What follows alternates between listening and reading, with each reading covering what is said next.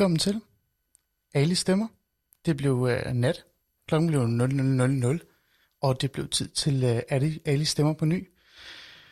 Vi havde jo vores øh, premiere i går. Det gik jo øh, rigtig godt, må man øh, sandelig sige. Øh, det vil jeg i hvert fald øh, rose jer for derude. Øh, jeg lytter, jer der faktisk besluttede sig for at dele jeres, øh, hvad kan vi sige, jeres historier, jeres øh, stemmer øh, med mig og fortælle, øh, hvad I tænkte omkring det emne, vi tog op i går. Det var et emne, der virkelig fyldte rigtig, rigtig meget. Øh, I virkeligheden, øh, det var den her utryghed blandt kvinder. Og det er også et emne, jeg ikke på en eller anden måde, hvad kan man sige, jeg kan ikke rigtig lægge den fra mig i dag, øh, kan man sige. Øh, fordi at øh, der var så mange, altså der var så mange historier, der var så mange stemmer, der kom ud i går. Øhm, så jeg føler lidt, at det vil være ærgerligt at smide de her historier øh, væk, fordi vi netop gik videre og kun havde en time til at, at tale om det, øh, det emne omkring, altså det her med utryghed blandt kvinder. Så vi tager det faktisk lidt op igen, men det bliver ikke det første, vi gør. Det bliver i den næste time. Men først starter vi med et, øh, et nyt emne, et nyt øh, problem, eller en ny, øh, en ny samtale omkring noget andet, som også kan være rigtig svært at, at tale om. Og det er det, øh, man på en eller anden måde kan kalde kroniske smerter, eller det her med at have ondt og lide noget, som man har svært ved at sætte ord på. Rigtig mange danskere lider faktisk af kroniske smerter, øh, som de ikke bare kan få en diagnose for. Noget de sådan på en måde, man kan sige, det hæmmer dem, øh, men det er svært for dem at gå ned til lægen og blive enige om, at det er faktisk det, der er galt med dem.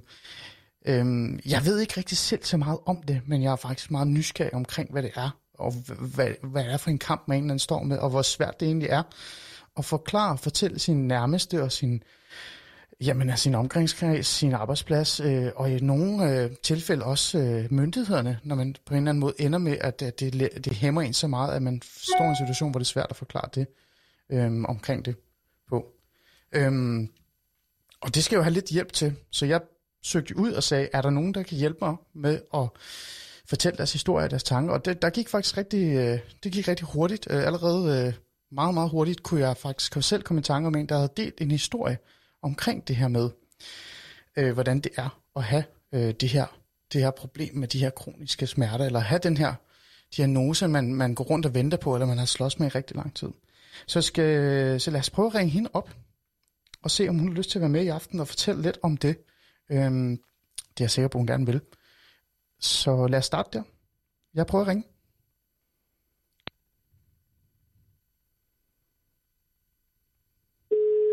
Three is a magic number. Hej, det er Hadia. Hej Hadia. Det er Ali fra Hej. Ali Stemmer. Kan du høre mig? Ja. ja, det kan jeg godt. Kan du høre mig? Det kan jeg. Det er dejligt, ikke? Det, er, Perfekt. det er nat, og vi kan høre hinanden. Det er altid godt. Øhm, Det er det. Hadia, kan du øh, lige fortælle lidt om dig selv? Bare lige kort, hvem du er i virkeligheden. Så det er nemlig Jo. på plads. Jo, det kan jeg godt. Jeg er 22 år gammel og bor i Albertslund, og til dagligt er jeg til socialrådgiver og er kommunalpolitiker ved siden af.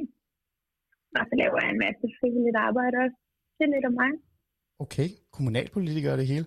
Men øh, det, er jo, det, er jo, det er jo det dejligt. Øh, men det er jo ikke det, det handler om øh, i virkeligheden i aften. Det er jo noget helt andet. Øhm, Ja. Grunden til, at øh, jeg ringer dig op, og øh, du har sagt ja til at tale med mig omkring det her, altså det er jo et følsomt emne i virkeligheden, øh, og ret mig endelig, hvis det er. Øhm, men Altså, det, det er et meget følsomt emne, og faktisk første gang, jeg sådan rigtig offentligt skal snakke om det også. Ja. Men prøv at fortælle mig, hvad det så det er.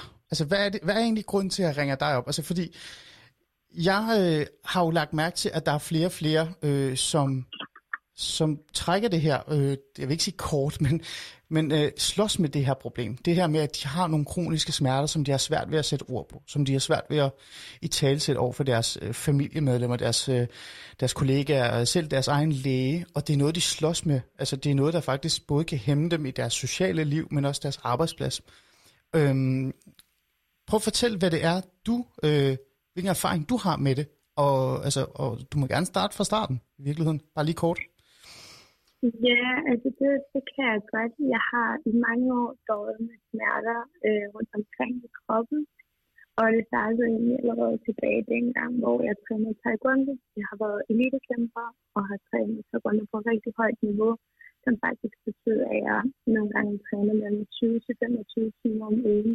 Okay. Og det er en sport, hvor man slår og også bliver slået på, og man er helt tiden fysisk aktiv. Jeg kan huske allerede dengang, at jeg meget hurtigt blev opfattet som hende, der bare hele tiden pev, af hende, der havde en lav smertetærskel. Mm. Og det var rigtig svært for mig, fordi at øh, hver gang jeg blev nærmest i skadestuen, og hver gang tog de scanner, og der var egentlig ikke rigtig noget øh, galt, hverken med min knæ, eller min håndled, eller skulder, men jeg havde bare ondt. Øhm, og smerterne, de blev bare værre og værre og værre gennem tiden. Øhm, og de sidste par år har jeg jo gået frem og tilbage til læge, til fysioterapeut, til kiropraktor, og svaret har egentlig været det samme i forhold til, at du er alt for ung til at have en egentlig fysisk ledelse som udgangspunkt. Og vi kan jo ikke se, at der er noget, der er brækket, eller noget, der ser fuldstændig forkert ud i din krop. Mm. Men øhm, jeg var så, så heldig, vil jeg sige, her for et par måneder siden, at jeg tog forbi min læge igen. Mm. Jeg havde så fået en ny læge, og vi stod så og snakkede med hende, og jeg beskrev mine smerter. Øh, og jeg sagde til hende, øh, at jeg faktisk havde mistanke om, at jeg havde noget gift. Okay, prøv øh, to Øhm. sekunder her. Øhm, så det du siger, det er, at, at bare lige for sådan at recap det lidt, fordi at, øh, vi har også en anden stemme, vi gerne vil have med ind øh, for at tale om det her, men Ja. jeg vil gerne høre din historie sådan lige lidt færdigt, for, så vi kan sådan gå lidt dybere ind i det bagefter. Det, så det startede med noget taekwondo, øh, og, no, og noget, der kom på baggrund af noget, noget sport, du dyrkede. Øh, og bare husk, øh, Hedy, du kan bare øh, tage din tid, snak stille og roligt, øh, behøver ikke at gå og spole hurtigt igennem det. det vi, har, vi har masser af tid, det er nat, og vi skal, vi skal bare have en god samtale omkring det. Så, så jeg recapper lige lidt. Øh, det startede mm. med noget taekwondo, og det kom Mm. ud af det. Øh, og det var nogle smerter, du ikke rigtig kunne sætte ord på, men de var der bare, og de blev ved med at være der. Er det ikke rigtigt? Jo, altså det, det, snar, det startede jo som nogle fysiske smerter, og nu Ja. hvor jeg så tager tilbage til det, Mm. er jeg næsten sikker på, at det har været en blanding mellem nogle fysiske smerter, men også nogle psykiske smerter. Psykiske min, øh, smerter? Tid, ja, under Mm. min tid, da jeg trænede taekwondo, blev jeg presset rigtig, rigtig meget. Både af mig selv, af min mor, min træner, bare, der var rigtig mange forventninger til mig. Jeg endte også med at få en spiseforstyrrelse. Og jeg siger nogle, fordi jeg har ikke taget to spiseforstyrrelser. Øhm, jeg endte ud i en mild depression, og jeg havde det faktisk bare hårdt. Øhm, og Okay. egentlig så tror jeg, altså, jeg, jeg har fået diagnosen, der hedder fibromyalgi. Mm. Spørger mig ikke om, hvad det går ud på, fordi jeg har lige fået, den, altså, jeg har lige fået di- diagnosen, og jeg er stadig ved at finde ud af, Ja. hvad det egentlig ud på. Hvornår var det, du fik den Men diagnose? Ja, jamen, jeg fik den faktisk i fredags. I fredags. Så det er jo noget helt nyt for dig. Ja. Det er virkelig helt nyt for mig. Øhm, Øhm, og det, ja, hvad siger du? Ja. Nej, jeg lytter. Jamen, altså, ja, men, men altså, at hvad jeg har læst mig frem til, hvad jeg har snakket med min rheumatolog om, så er det, at man ved egentlig ikke rigtig, hvor det kommer fra, og hvordan de her smerter, de opstår, og hvad der trigger det. Men, men forskningen viser, at det både kan være noget fysisk, og det også kan være noget psykisk, der egentlig Mm. øh, sætter gang i det hele. Mm. Øhm, og jeg tror i mit tilfælde, at det har været en blanding. Og det er jo lige her, hvor jeg så kunne sige sådan, jamen prøv at, jeg ved vanvittigt meget om fibromyalgi, øh, og så blærer jeg mig Mm. langt ud, ellers jeg har googlet det. Men jeg tænker sådan, det vil være lidt snyd, og det vil heller ikke være i det her, altså ånden af det her øh, natradio, jeg prøver at lave. Øh, det her med at få nogle stemmer ind for at fortælle selv, hvad tingene er, og hvad det er for nogle problemstillinger, de slås med, og hvad, hvad de føler omkring det, og hvad de selv ved om det.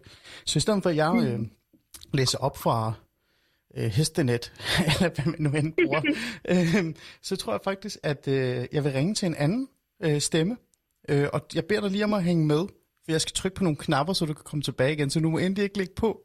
Øh, Hedy, jeg står her alene i studiet, jeg vil savne dig, hvis du forsvandt. Men nu prøver jeg lige at ringe øh, en anden stemme op, en anden, øh, som også har besluttet sig for at dele hendes historie med mig og med os.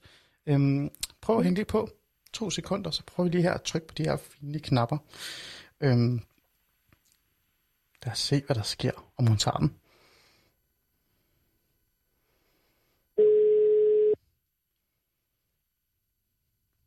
Ja, det bliver interessant. Det er Lotte. Hej Lotte.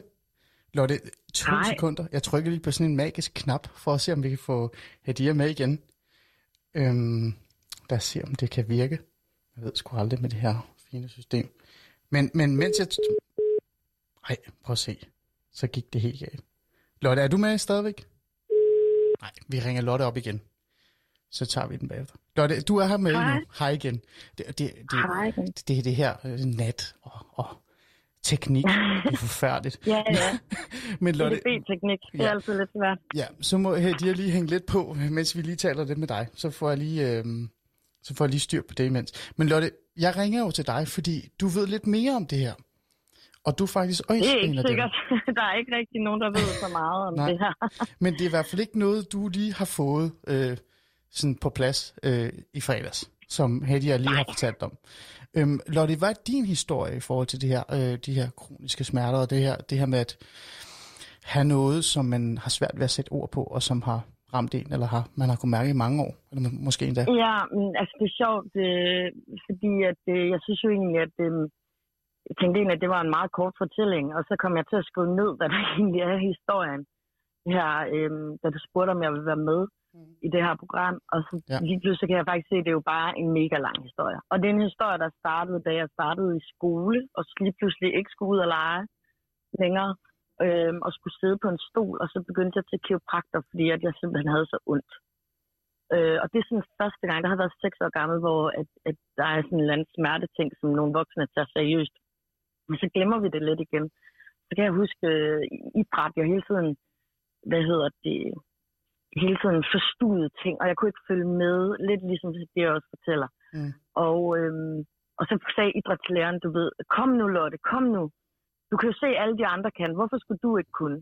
Mm. Og hele tiden blev presset fysisk, og jeg, det, var, det var det værste, jeg vidste, det var de der idrætstimer.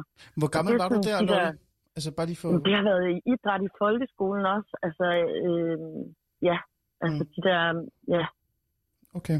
de der timer, der man har haft øh, med Ja. rundbold og Ja. alt det der, Ja. ikke? Og De allerede der kunne du mærke, at der var noget, som... Nej, nej, altså det kan jeg jo overhovedet ikke. Jeg har jo aldrig prøvet andet. Så det er jo ikke noget, øh, som jeg har kunne sige, at jeg har haft mere ondt end alle andre. Det, det, fordi man tværtimod, jeg har kæmpet jo, fordi det var den der, jeg blev mødt med den der, jamen, og alle de andre kan, så kan du da også. Altså man kan jo ikke se på mig, at jeg, at, at jeg er syg. Og det har man jo heller ikke kun, som jeg var barn, at jeg var barn. Så det er jo, det er jo, ja, det er jo, det er jo bare en efterrationalisering, at jeg, altså, Mm. det jeg sidder og fortæller nu, ikke? Mm. Så, øhm, så det er jo, altså, øh, og så fik jeg kæbeproblemer, øh, da jeg var teenager, og det er også sådan en, en meget karakteristisk ting. Øh, ved, ja, jeg har også fibromyalgi, øh, og jeg er meget hypermobil, og så fikser man ligesom det, Okay. øh, men giver mig ikke nogen diagnose, undersøger ikke videre. På det her tidspunkt, der er jeg anbragt på, på et børnehjem, jeg for eksempel får de her øh, kæbeproblemer, Øh, så når jeg siger, at jeg har ondt, så bliver det tit sådan, "Nå, men så skal du snakke med nogen om det. Det er ikke sådan, at folk de sådan, tager det seriøst. Altså, da min kæbe gik af led hele tiden, så blev de ligesom nødt til at tage det seriøst og forholde sig til. Det gav mig en halvanden øh, centimeter høj bideskin, jeg skulle gå med, hvilket var helt umuligt. Øh, men, men så har man ligesom fikset det, og så skilte man det ligesom fra hinanden, altså det fysiske og det psykiske, og så så når jeg fortalte, at jeg havde ondt, så måtte det jo også være, fordi det var meget synd for mig, fordi der skete nogle andre ting i mit liv. Så Mm. koblingen kom jo først meget senere, desværre. Okay. Og, men kom koblingen af sig selv, eller kom den, fordi at der var nogen udefra, der gjorde dig opmærksom på det her, det, det måske kunne være, øh, øh, ja, Ja, altså, jeg, jeg, altså, det er jo det her med, at, at de her ting tit øh, altså, udløses af traumer på den ene eller anden måde. Ikke? mm, Så man har presset sig selv, eller man bliver psykisk øh, øh, udfordret mm, på den ene eller anden måde. Og det er jeg sådan blevet sådan ret kategorisk, øh, siden jeg var helt lille. Så, så jeg tror egentlig meget på den der, at det på en eller anden måde har været traume udløst helt tilbage i i min tidlige barndom. Men, men øh, da jeg finder ud af at få diagnosen, der er jeg faktisk, hvad jeg lige kunne regne ud, 22 år gammel. I, I det her med funktionelle lidelser, der er, det, der er det utroligt tidligt, jeg får den her diagnose. Altså hvis, man, hvis jeg sammenligner med andre og gennemsnitsalderen for, hvornår ja, man får den her diagnose. Ikke? Ja. Så, øh, det, og det gør jeg simpelthen, fordi jeg oplever et nyt traume, der bliver overfaldet på en øh, varmestue, jeg arbejder på. Mm. Øh, og, og, hvad hedder det, jeg får en PTSD-diagnose, og så, så får jeg det bare enormt, altså jeg får bare ondt, og det bliver ved med at gøre ondt. Øh, og jeg får det ligesom ikke bedre, og så er der en læge, der ligesom fanger det og får mig sendt til en rheumatolog, øh, som så giver mig diagnosen. Og så begynder det, så begynder showet, kan man sige.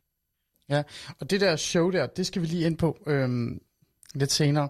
Jeg prøver lige at, at, at se, om jeg kan få Hadia tilbage med i, i, i det her fine program. Jeg prøver lige at ringe til hende øhm, igen her. Lad os se, om det virker. Det er i hvert fald en god ringetone, hun har. Det må man give. Hej igen. Du er Ja. tilbage, Helge. Ja, Ja.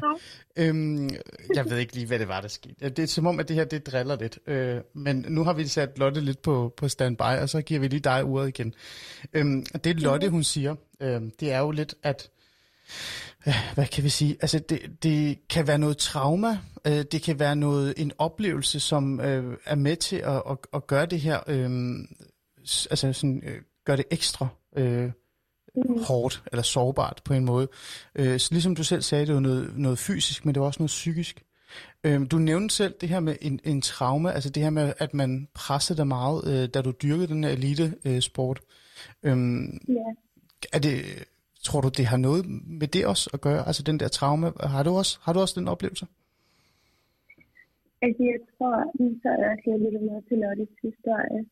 Øhm, det, jeg tror, det der er lidt svært for mig, det er egentlig nok, jeg kan ikke rigtig huske, hvornår mine lidt, lidt alvorlige smerter, de egentlig begyndte. Mm. Men når jeg så tænker mit liv igennem, så har det helt klart haft en betydning til den sporten. Men jeg tror ikke, det har været det eneste. Øhm, ikke fordi jeg siger, at jeg er traumatiseret, sådan, men jeg har da oplevet nogle ting, som har været en smule for hårde for mig. Øhm, og igennem specielt min ungdom. Øhm, Mm. og der har, der har det, det med taekwondo været en del af det på gymnasiet. Øh, lige pludselig stoppede jeg med min taekwondo og skabe mig en helt ny tilværelse. Øh, min mor, hun vælger at flytte til Tyrkiet, og det presser mig også ud. Hun flytter til Tyrkiet? Altså, nå, okay, så Ja. det der med, at din mor faktisk også øhm, på en eller anden måde, jeg vil ikke sige forlader dig, men, men forsvinder i hvert fald. Hun er i hvert fald ikke i nærheden. Så der sker nogle, der sker nogle hændelser, der gør, at, at der, det bliver mere og mere øh, svært. Ja. F- Og, Ja.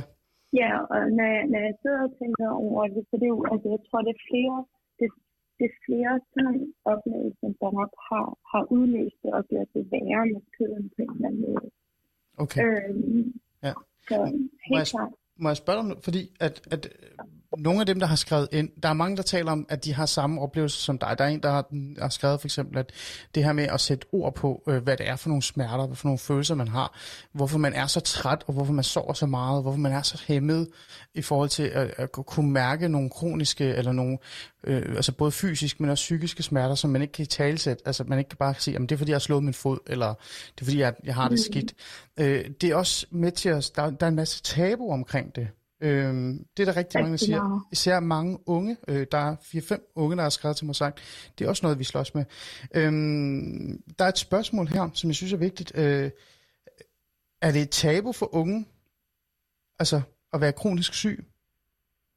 Er det svært for dig som ung, for nu er du jo ung, at tale med dine venner og veninder om det her med, at, at man er øh, den alder, som du er i, og i rimelig god form, vil jeg også gætte mig til, hvis du har dyrket øh, elitesport, men så alligevel har bare brug for mere tid til at, at restituere og sove, og, og sådan, er, det, altså, er der noget tabu omkring det? Altså, jeg synes i hvert fald, der er det helt klart. Jeg har haft rigtig svært ved at øh, egentlig beskrive mine smerter, også før jeg fik, min, før jeg fik diagnosen.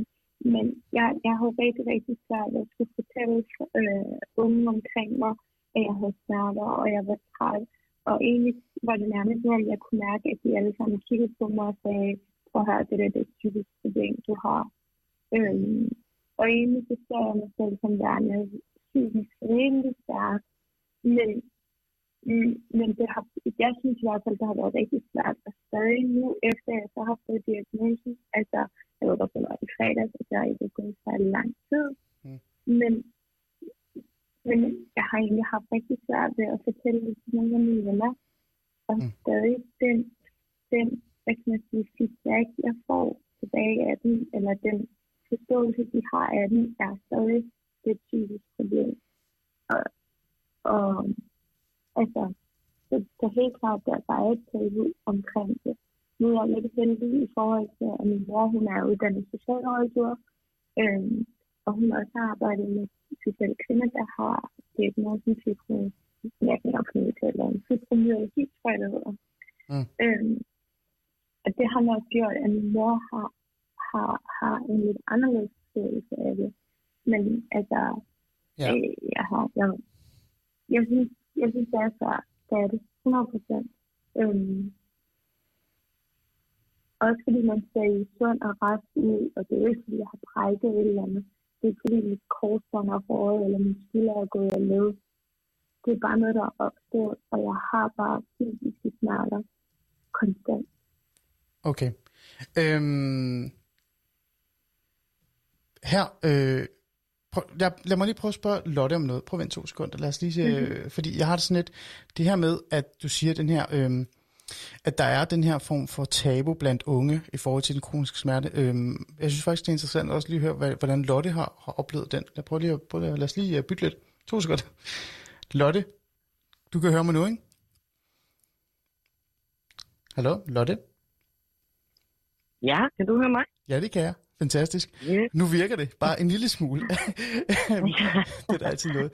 Jeg talte lige med øh, Hedia om det her med at, øh, at være ung, og, og så også på en eller anden måde skal håndtere det her med, at, at øh, man har bare lidt længere tid, altså i forhold til at restituere, og man, man er bare træt, altså mere træt end ens øh, venner, selvom man er i god form. Mm. Øh, hun, hun dyrker jo så taekwondo på det tidspunkt, og jeg tænker, hun er stadig i fin form, hun er stadig ung, og, og, og, og stadig, sådan, så vidt jeg ved, øh, dyrker meget sport, sådan som hun fortæller det.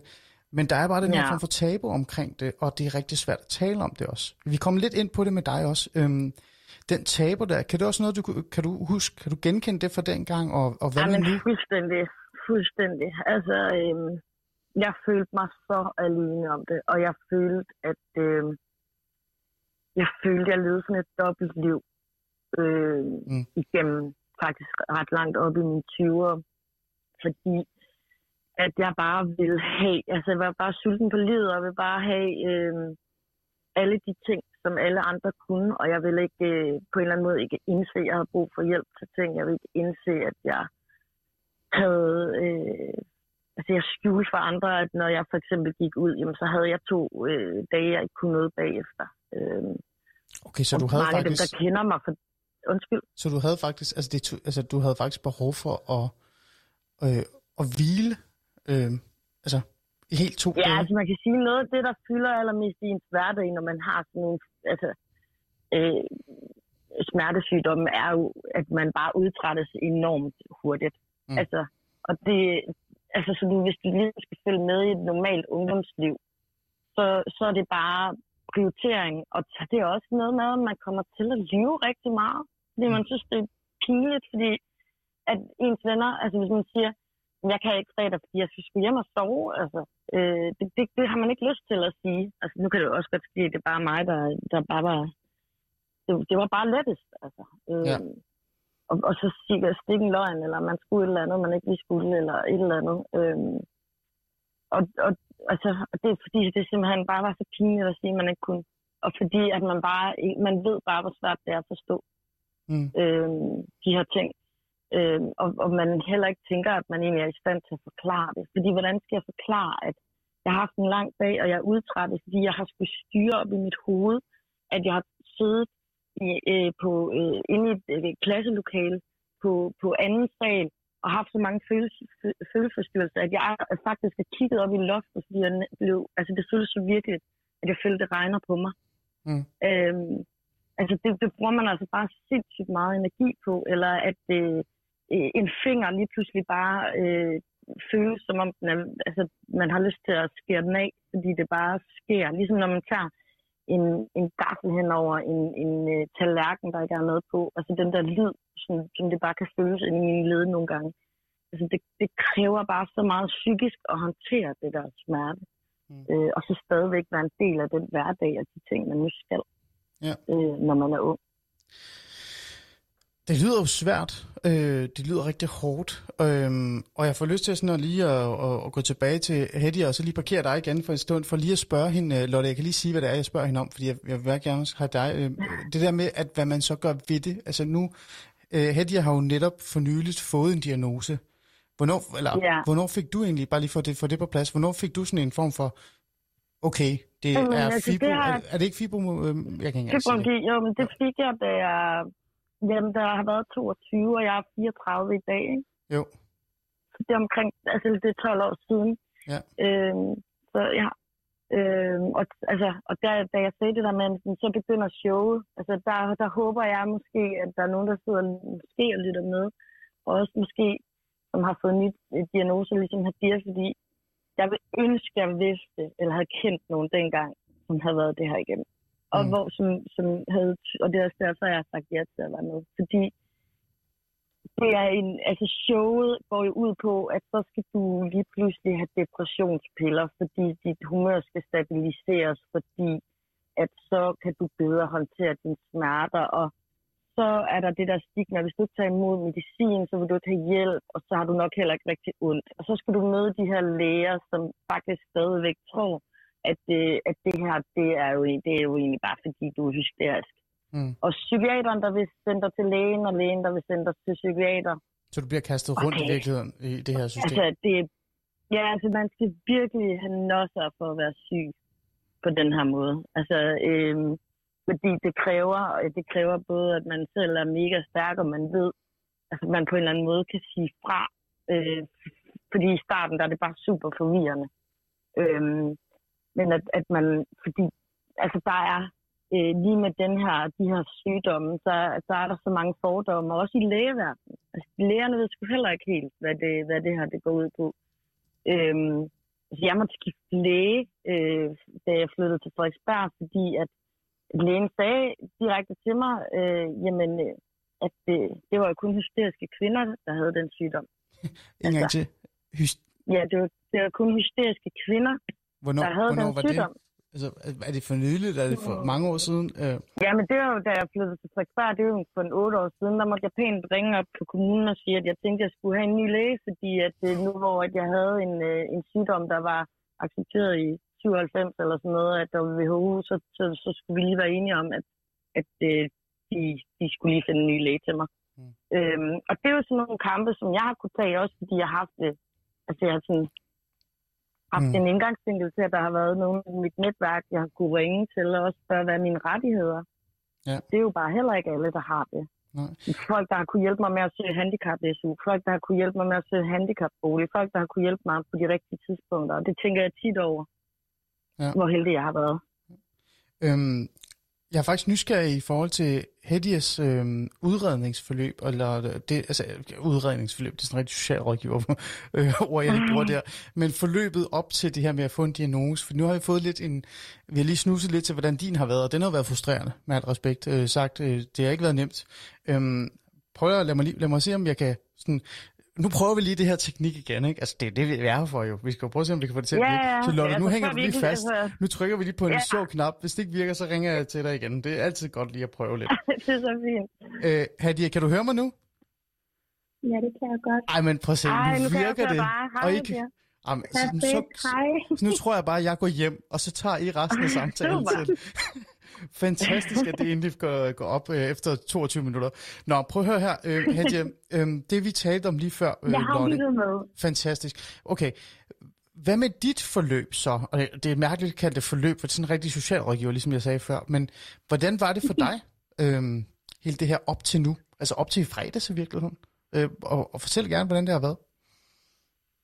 Altså, jeg vil sige, det var frustrerende for mig indtil for en cirka to måneder siden, hvor jeg endelig fik overtaget min egen læge til at sende mig til rheumatolog. Din egen Øhm, læge om til hvad? ind- Hvad sagde du? Om Egen at læge? sende, om at sende mig, altså om at øh, indtil jeg fik min læge til at henvise mig til en rheumatolog. Ah, okay, til en rheumatolog. Okay, det var det. Jeg kunne ikke lige, man kunne Ja. ikke lige høre lidt. Lyden var lidt uh, speciel der. Ja, bare kom. Sorry. Ja, øh, indtil da var det rigtig, rigtig frustrerende. Øh, også den at, altså, men, men der tror jeg også bare, at det har mere været på det personlige plan, fordi jeg hele tiden har fortsat med at træne, men Mm. jeg har bare haft ondt hele tiden.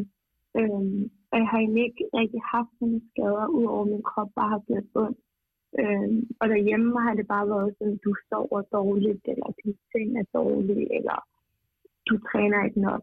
Altså, det har mere været de omkringliggende faktorer, der nok har frustreret mig i forhold til, at man ikke rigtig har haft lyst til at indse, at jeg faktisk har haft smerter.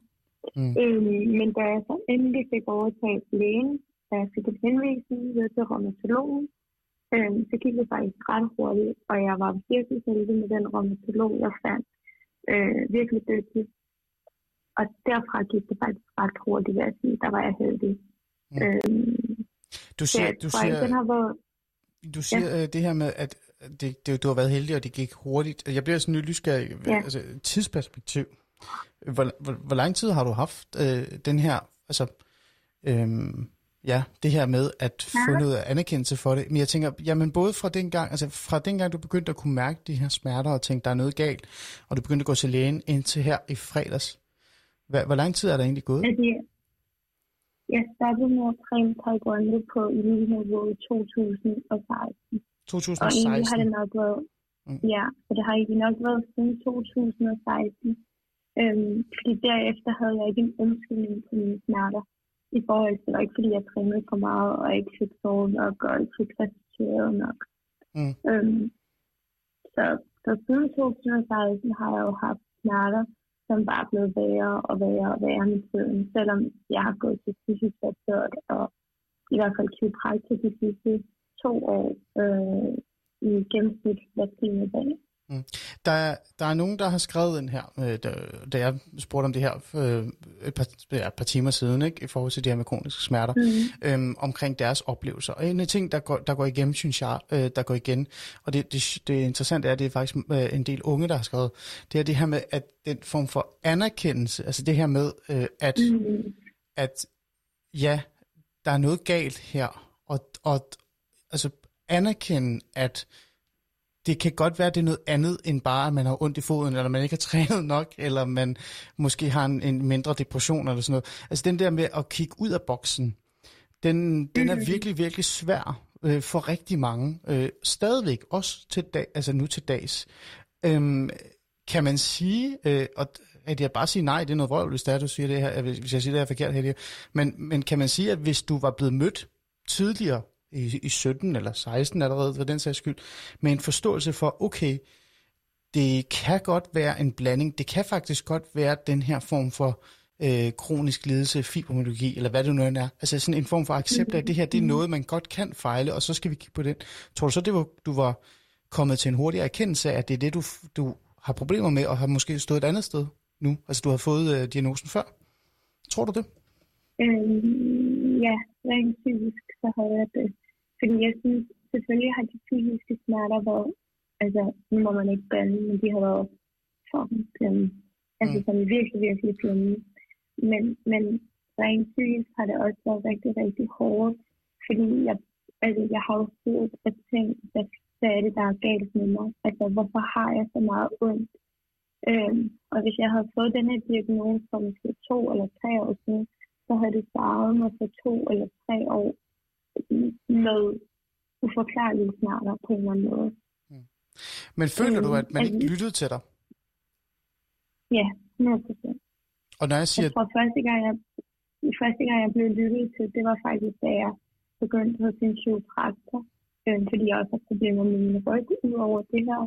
Øhm, og, og det var egentlig første gang, og det var også en kiropraktor, der sidst, og sådan, jeg tror faktisk, jeg skulle videre i systemet og prøve at få undersøgt, om der måske er noget gift i din krop, eller noget i den dur. Øhm, og, og jeg følte som overhovedet ikke, at jeg blev, at jeg blev øh, hørt af det almindelige sundhedsvæsen, hvis man skal kalde for det, i Danmark, i forhold til min praktiserende læge. Øh, jeg har også været videre til min og, og et par gange. Mm. Øh, og der følte jeg mig overhovedet ikke hørt. Lotte, hvis jeg må gribe fat i dig, øhm, Mm. det må jo være lidt, lidt specielt for dig at høre det, øh, tænker jeg, at, at for det første, så kan jeg fortælle dig, at der er faktisk en del, der har skrevet til mig og sagt, det her det er meget normalt for dem. Altså det kender de også til det her med, at der stadig mangler den her form for anerkendelse af, at øh, altså fra læger og fra fagpersoner, at man skal måske kigge lidt ud af boksen, i stedet for at sige, Nå, fordi du har ondt, så er det nok fordi, at du øh, måske har noget psykisk, eller fordi du ikke træner nok, eller du har, du har noget med ryggen. Øh, altså, det der med at kigge ud af boksen ja, og kigge altså, på det vi her har jo bare et system, der er bare enormt kasset. Altså, hvis du har ondt i ryggen, så går du over til ryglægen. Hvis du har ondt i kæberne, så går du over til dem, der har med kæber at gøre. Altså kæbekirurgen, ikke? Altså, så, så det bliver aldrig rigtig tænkt sammen. Altså, øh, og jeg tænker da også, altså, øh, jeg tænker da på min, jeg kan jo ikke lade være med at tænke på, hvis man i min barndom havde, havde fanget den her. Altså, jeg blev da et enormt frustreret barn, ligesom man også er enormt frustreret voksen, når man, øh, hvad hedder det, bare har pisse ondt. Altså, øh, og ikke, altså, så, og så siger de, at det er fordi, det er oppe i hovedet på en, og man, man føler bare smerterne. Så det er jo klart, at man bliver altså indebrændt. Og man skal også huske på, at, at selvom at man kan sige, at jeg har en lav smerte til tærskel, så vender vi os jo til at have ondt i en grad, som andre mennesker ikke kan forestille sig. Mm. Fordi altså, jeg har for eksempel prøvet at blive, øh, og det, det kan faktisk blive for mig endte jeg jo i livsfar på grund af, at, øh, at jeg har så høj en smertetærskel, selvom den er lav. Fordi jeg havde en flerebetændelse, som jeg bare vendte mig til, og, en, en nyre, og så gik det i øh, nyrebækken, og så gik det i blodet, og lige pludselig lå jeg på intensiv. Øhm, og øh, hvad hedder det, og mine nyrer og min lever og mine lunger var ved at sætte ud. Ikke?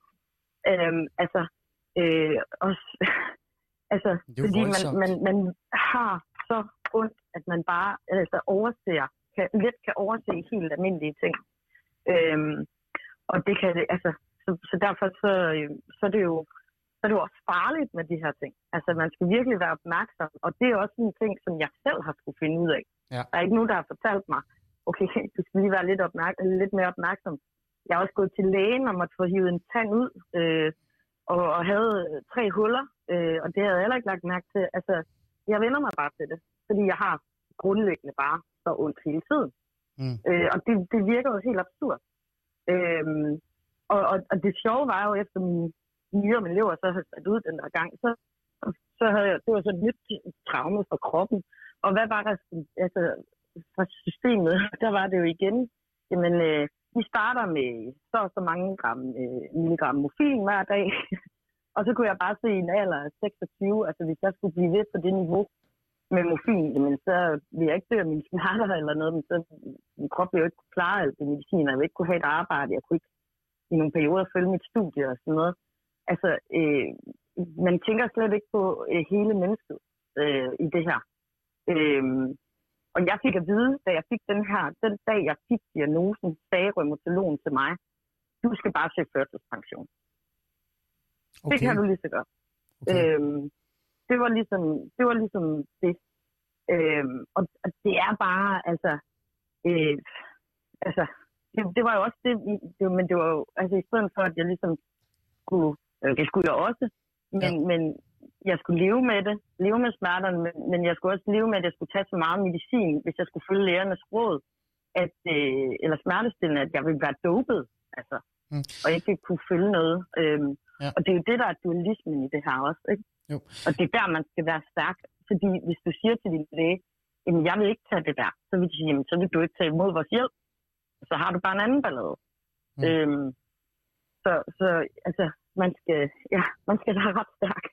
Ja. Øhm, Lad os, øh, har, du, øh, har du oplevelser med det? Altså det her med, at man på en måde vender sig til, øh, til eller ikke man vender sig ikke, men man får en, en højere øh, smertetærskel, fordi man netop har så meget ondt, og så på den måde så overser man visse øh, altså smerte, altså ikke smerte, men sygdom eller øh, problematikker i virkeligheden, øh, fordi man sådan netop Mm. bare sådan erkender eller accepterer, at øh, jamen, det, det er mit liv, det gør ondt, og det må jeg bare, øh, det må jeg bare leve med.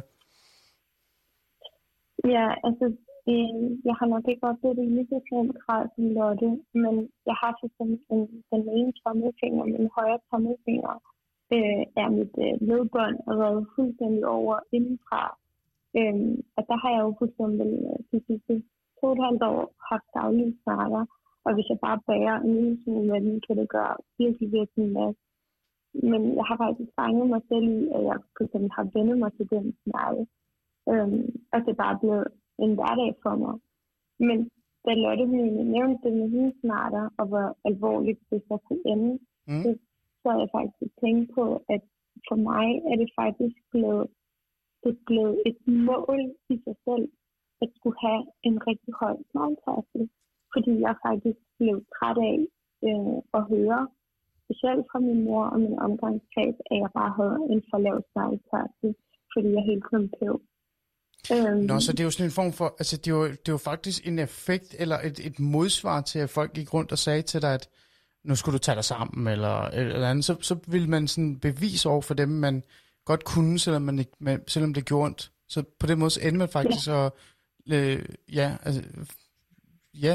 Ja, altså på et eller andet tidspunkt, så kobler du bare hjernen fra, altså og smerterne, og så må du ligesom bare få det bedste ud af det, ikke? Altså når du hele tiden får at vide, at, øh, ja, at øh, din smertetærskel er lav, eller se på de andre, de kan godt, hvorfor kan du ikke? Eller også når du bliver teenager, og også øh, for eksempel forestiller mig også, hvis du dyrker en sportsgren, så har du også hele tiden nogle andre at sammenligne dig med. mm, Så begynder du også at presse dig selv og, tænke, og sammenligne dig med, med de andre, ikke? Øh, og så tænker jeg, det er helt naturligt, at man så tænker, jamen, så må jeg kunne holde ud, jeg må holde ud, jeg må holde ud. Og det var det, jeg Mhm. opdagede, da jeg blev rigtig, rigtig, rigtig syg, at det er faktisk det værste. Altså, det blev min værste fjende, den overlevelsesmekanisme, jeg selv, min krop selv havde sagt, øh, eller sat op, øh, fordi det var ved at tage livet af mig. Øh, og det, altså, det er jo, altså, selvom jeg kunne fortælle på sygehuset, dengang jeg lå, at jeg havde fibromyalgi, så var det jo, så fikset de det fysiske. Øh, og så bagefter gav de mig piller, ikke? Mm. øhm, altså, øh, hvor jeg så sagde, altså der sagde jeg definitivt nej tak til alt, hvad der var piller, øh, og, og sagde, nu må jeg bare leve med det, for det blev for farligt. Altså, jeg, jeg, jeg vurderede, at de råd og de lægerne sagde, jeg skulle, ikke passede til mig. Mm. Fordi så ville det bare være noget andet, som jeg, altså, så skulle jeg gå og være bange for, at jeg ikke kunne mærke noget. Øh, og så sent som her, jamen det, altså to, to år siden, ikke, der endte jeg også øh, med, en, med en blindtarm, der skulle ud. Ikke? Øh, og det, det er lige op over før, at, at jeg reagerer på det, fordi jeg bare har vendt mig til smerten. Ikke? Jo. Så, så det, det, altså det, hvis jeg havde taget øh, de der 50 mg morfin plus, øh, jeg ved ikke hvor meget, ibuprofen og Phenodil og alt sådan noget, så var dosen jo sikkert også sat op, fordi der var gået rigtig mange år siden jeg startede der. Jamen, øh, ville jeg jo bare ikke have kunne mærke det. Altså, så havde jeg jo, altså, så var den jo bare sprunget ind i mig, Mm. øh, Ja. min blindtarm. Og Ja. det, det er jo sådan nogle ting, hvor man kan sige, at man bare fuldstændig misser og tænker fremad. Læger tænker, der er et problem, vi skal fikse det lige nu. Og det er det, der er med de her sygdomme, øh, og de her smertesygdomme, det er bare, at det, det findes ikke. Og, Mm. der, og fordi vi går rigtig meget i skam, og ikke har nogen at snakke med det om, så bliver det, bliver det bare rigtig tit noget, som, som vi bare selv skal finde ud af. Og der kan man så, når jeg kigger tilbage, så kan man sige, så har jeg bare været, de gange de er gået galt, så har jeg været heldig. Øhm, og, og nu kender jeg min krop bedre, og jeg, jeg var lykkelig, da min øh, blindtarm røg, fordi så kunne jeg da i hvert fald sige, at nu var det ikke det. Det kan, jamen, jeg kan Det godt, jeg kan godt, ja, jeg kan godt høre. Hedi, øhm, der bliver, der bliver noget, noget med skam og noget med det her med, at øh, øh, vi også vi kommer ind ind på det, at der var noget tabu omkring det, og, og man bliver nødt til at bevise over for andre, at jamen, man kan løbe stærkere, selvom det gør ondt, ikke? fordi alle er sådan lidt, "Ah, kom nu i gang og tag det nu sammen og sådan noget. Ikke? Mm-hmm. Øhm, det er jo noget, du siger, du har oplevet rigtig meget. Nu er du jo, øhm, og det, nu nævner jeg det, fordi at det er jo lidt sjovt, fordi I begge to er jo lidt øh, øh, politisk engageret, og det er jo kun positivt i forhold til det næste, jeg gerne vil. Det er sådan lidt, øh, øh, Øh, det er ikke fordi, jeg sidder her og regner med, at vi til her om natten kan løse alle problemer. Det er ikke det. Vi skal tale om dem om natten, men, men vi skal også tale lidt om, hvordan vi måske kan løse dem. Øhm, nu har du jo oplevet det på din egen krop, du kender jo til det, og, og at være ung og være også kommunalpolitiker, der skal man også virkelig bevise over for andre, at man kan øh, noget. Ikke? Man skal løbe hurtigere, man skal løbe stærkere. Øhm, har du ikke øh, siddet nogle gange øh, og tænkt, jeg har indflydelse, eller i hvert fald øh, den indflydelse, du har, øh, og det her område, og det, den her, øh, det her, jeg har været igennem, der må kunne gøre noget. Altså man, man, kunne, man burde kunne gøre noget, man skal gøre noget. Har du, har du, har du, er det kommet til dig øh, i det her forløb egentlig?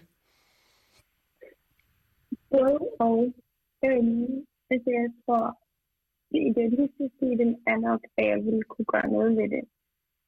Jeg tror bare, at nu er det så tæt på mig, at det ikke er blevet arbejdet igennem, så jeg faktisk har svært ved at berøre det på en eller anden måde. Mm, Det er alt, alt for tæt på, altså hvordan du selv, altså det er noget, du stadig selv skal arbejde med. Er det, ikke- er det det, du siger? Lige, ja, lige netop. Også fordi, altså, også fordi, nu har jeg for eksempel rigtig mange psykiske smerter, men jeg ved også fra mit liv, at der også ligger noget psykisk i det. Øh, og der også ligger nogle ting, der påvirker mig der. Og der ved jeg bare, at jeg ikke har arbejdet det igennem nok til at kunne tage de politiske diskussioner om emnet også på en eller anden måde, hvis Mm. det giver mening. Ja. Fordi det, jeg synes, specielt når man kommer til det med politik og indflydelse, så bliver det rigtig svært, når du nærmest, altså når du bliver nødt til at tage udgangspunkt i din egen krop og sjæl. Altså, Mm, det kan jeg godt forstå. øhm, Mm. så, men, og så tror jeg også, det er fordi, jeg ikke, jeg, altså personligt ved jeg ikke, hvad løsningen er på det endnu, i hvert fald. Det, det kan vi lige spørge Lotte om lige om lidt. Det kan være, hun kan holde et stort, øh, langt foredrag. Jeg, jeg føler lidt, hun måske har nogle idéer omkring, hvad hun kan gøre. Men før jeg sådan giver ordet til Lotte, øh, så har jeg også øh, noget andet, jeg gerne faktisk lidt, øh, spørge dig lidt i forhold til det her. Det er sådan, øh, nu er du jo stadig ung, vil jeg mene. Det er bare mm. det, jeg kalder dig. Øh, det er, fordi jeg selv er gammel. øh, og, og nu har du fået den her diagnose. Øh, og, det- og det er også lidt, det er lidt hårdt at stille dig sådan det her spørgsmål, sådan, hvad nu? Hvad gør du så? Sådan, fordi det var jo her for et par dage siden, du fik den. Øh, men, men jeg mm. kan godt stille dig de her to spørgsmål. Altså det første er meget nemt, tænker jeg, at svare på. Øhm, er det en befrielse, altså at sætte sig tilbage og sige, Ja, endelig, nu ved jeg det. Er det, er det en form for Ja. befrielse? Har, du, er, er, er det, har det ramt dig? ja, befrielsen har ramt mig, men samtidig er jeg også blevet ramt af en eller anden frygt. Prøv at fortælle, hvad det er for en frygt. nærmest, fordi at jeg nærmest frygter for, at altså, nu er jeg en person, der nærmest er på 16 timer om dagen. Altså fra jeg står op til jeg sover, er jeg bare på, når jeg kan. Så længe jeg er langt væk fra min seng, får jeg lavet rigtig mange ting. Mm. Og jeg er bare bange for, at jeg, nu hvor jeg bliver bevidst om, at jeg faktisk har en sygdom, det er faktisk rigtig svært for mig at sige det her, men, men at jeg faktisk har en sygdom, det gør mig også bare bevidst om, at når jeg så kan mærke min faresignaler i min krop, bliver jeg nødt til at lige at trække mig tilbage. Okay. Og derfor frygter jeg faktisk for, om jeg vil kunne fortsætte i det her tempo, som jeg har gjort indtil nu. Så du står Fordi faktisk... jeg øh, føler, at jeg er... Altså, jeg føler stadig, at jeg er bagud på en eller anden måde. Jeg føler stadig, at jeg har så mange ting, jeg skal nå. Jeg vil ikke have, at et system skal sætte mig i en kasse og sige, at det kan du ikke nå, fordi du har en sygdom. Mm. Jeg vil heller ikke have, at min krop skal sige det. Altså, ja.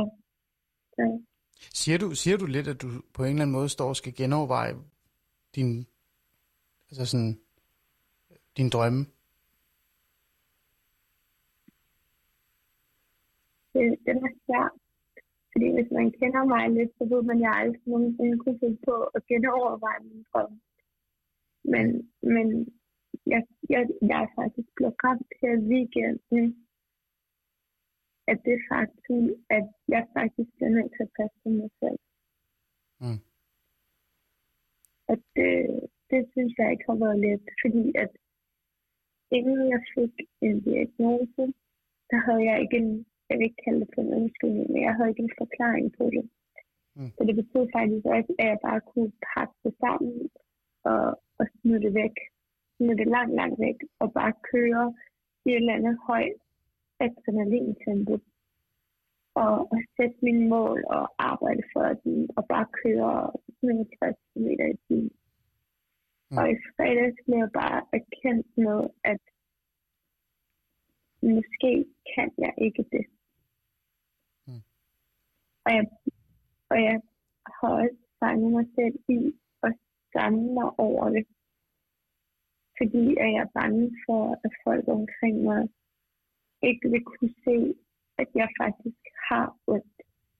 Altså, at det ikke bare er, at jeg er psykisk dårlig, eller psykisk ikke er stærk nok, men at jeg faktisk har en sygdom. Mm. Jeg ved ikke, om det blev for indviklet. Men Nej, nej, nej, overhovedet ikke. Det giver rigtig, rigtig god mening, og jeg tror, det er rigtig, rigtig vigtigt at høre det her, øh, selvom det måske er lidt hårdt øh, for dig at sige. Mhm. Øh, så er det faktisk rigtig vigtigt, fordi der netop er, øh, der er faktisk, øh, der er faktisk unge, øh, der, der også er begyndt at altså, øh, at have de her, øh, altså, de her problemer, det, når jeg siger begynder, men det er jo fordi, når man er ung, så, så er der jo på et tidspunkt, hvor man ligesom dig bliver ramt af det her, hvis det er, man faktisk slås med det her, og man ved jo ikke, hvad det er, man aner ikke, hvordan det er. Og jeg, og jeg har jo sådan en idé om, med mig, øh, altså med min erfaring i forhold til for socialrådgiverfaget, at mange af de unge, de øh, ikke har mulighed for at trække sig tilbage og sige, hey, prøv at høre, der er et eller andet galt. Altså, øh, fordi man netop er ung, og man netop har den her følelse af, at når du, altså når du er ung, så skal du kunne nå alt. Du skal kunne opnå alt, altså alt, der var foran en, og man kan spurte 200 km i timen, ikke? Øhm, så, jeg, så jeg synes faktisk, det er rigtig vigtigt at, øh, at høre det, øh, og, og det du siger. Og, og hvis jeg lige må sige et par ord mere til det, så Meget tror jeg også, i mit, for mit vedkommende, at det også handler om, jeg har altid været den her pige i skolen, der fik de allerhøjeste karakterer. Jeg har altid været den kloge pige, den stærke pige, altså på, på så mange fronter. Og jeg har, jeg har kæmpet imod så mange udfordringer i mit liv, og det gør også bare, at folk omkring mig og min familie forventer så meget mere af mig. Og det synes jeg gør det hele endnu sværere. Fordi, hvad nu? Skal jeg så, jeg har ikke lyst til at sige, give op, men, men skal jeg nærmest, altså, skal jeg ned i tempo nu? Fordi det, det forventer folk ikke af mig, og det forventer jeg heller ikke af mig selv. Mm. Så jeg synes, det har været, altså, det har været en befrielse, fordi jeg har fået svar på, hvorfor jeg har ondt, men også en udfordring, fordi, hvad så nu? Lotte, øh, det er, jo, det er jo, jeg vil ikke sige, jeg vil ikke sige barsk, men på en eller anden måde er det jo lidt barsk at høre det her, øh, men på en måde også befriende, fordi det er, jo, det er jo godt at få sat nogle ord på det her øh, problem. Især det her med, at, at man som ung står i en situation, hvor man netop skal sådan næsten revurdere ens øh, fremtid, eller øh, man, man må indrømme eller erkende, at alle omkring en forventer så meget af en, fordi man netop er ung, og man netop skal kunne løbe hurtigt og stærkt. Øhm, Mm. har du øh, et, øh, et, øh, et, øh, hvad hedder det, et råd til jeg, Lydia, når jeg, jeg er frygter, du vil spørge, fordi jeg hader bare at komme til at lyde som sådan en gammel røvhul. Nej, men ikke på jeg den bare måde. Altså, jeg ja. tænker ikke, du skal være det, det gamle røvhul, og det er dejligt, at vi lige kan grine lidt Nej, også øh, en lille nej. smule. For man står her og bliver lidt Men rørt af det jeg her, lige- men øhm, Jeg Men- bliver enormt rørt også. Altså, jeg bliver enormt rørt af det her. Det gør jeg, fordi at jeg kan huske, hvordan jeg selv havde det. Mm. Og jeg kan huske, at jeg var mega lettet i en periode på omkring en måned. Jeg var så glad, når jeg endelig fået at vide, hvad det var. Øh, og jeg havde et eller andet, som jeg kunne forklare alt det, alt, alt det der gjorde ondt med. Men så vågnede jeg en dag, og så gik det op for mig, at det aldrig vil gå væk. Øhm, og så, mm. øhm, der var bare ikke en pille. Øhm, og, og, og, og, og på en eller anden måde, når man går og gerne vil have vide, hvad det er, det er, så er det jo også et håb om, at det så kan gå over. At, at der er et eller andet stik, som, det- som det kan gå over, og det gør det her ikke. Mm.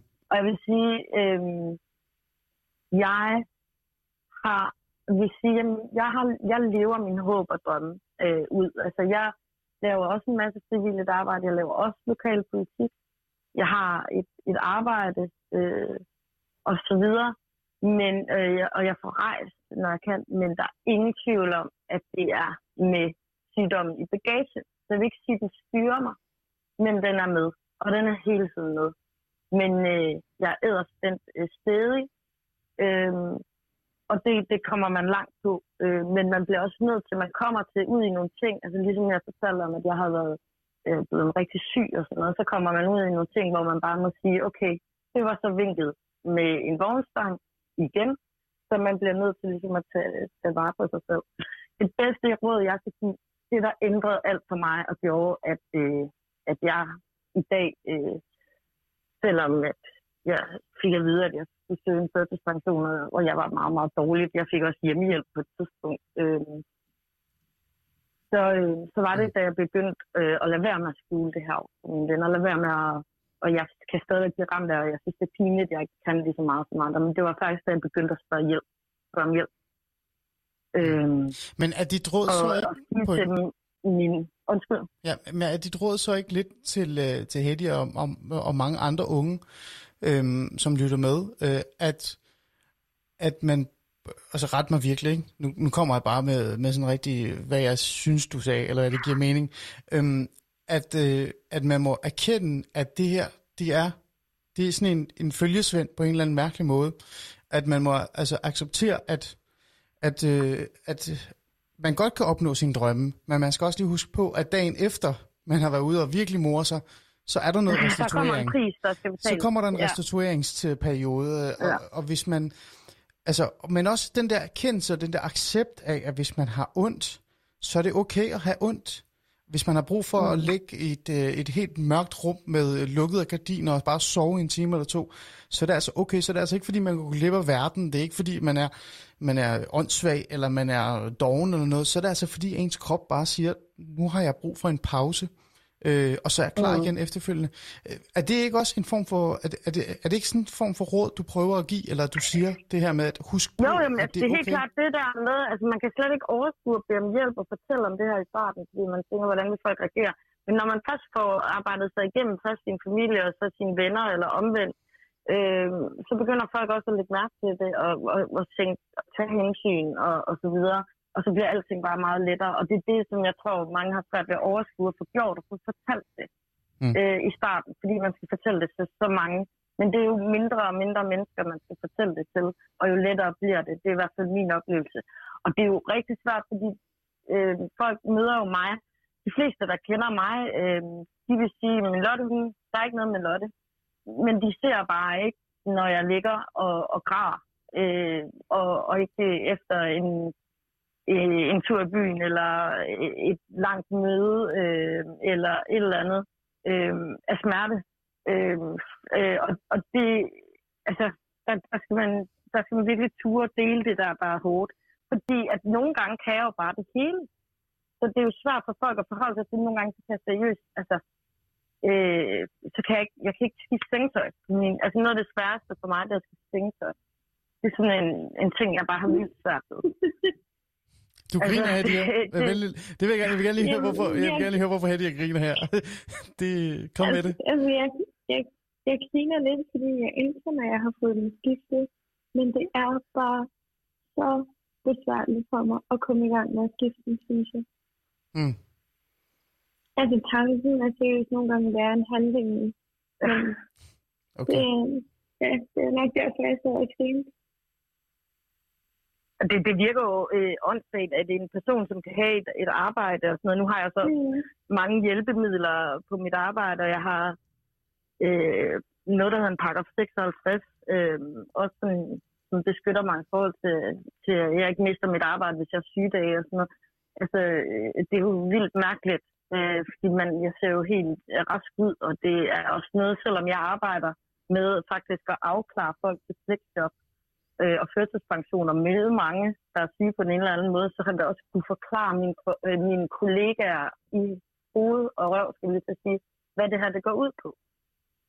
Altså, Mm. øh, hvorfor, hvorfor er der nogle gange, jeg ikke er der, eller hvad, hvorfor tjekker jeg ud, eller hvorfor kan jeg ja, altså, have brug for at, at sove midt på dagen, eller et eller andet. Altså, Ja. øh, så det er jo bare, øh, Men der er også, det er jo lidt- bare der, en følgesvend. Ja, men der er, også en, der er også noget håb her. Altså sådan, hvis vi lige skal runde den her af, øh, før vi går videre til næste emne sådan lidt, så er det jo også lidt, øh, og det er jo til dig, Hedy, sådan lidt, at det, altså Lotte, øh, du sagde, at du er ved at uddanne dig til socialrådgiver, er det ikke rigtigt? Nej, jeg er ikke. Altså, jeg Nej, nej, arbejder som øh, sagsbehandler. Ej, men jeg Hedy, Nå, om jeg... Ja, ja. ja, Nå, undskyld, undskyld, jeg troede, du spurgte mig. nej, Hedy, du er ved at ja uddanne jeg til, vil uddanne mig til socialrådgiver. ja, ja, og, og Lotte er jo socialrådgiver.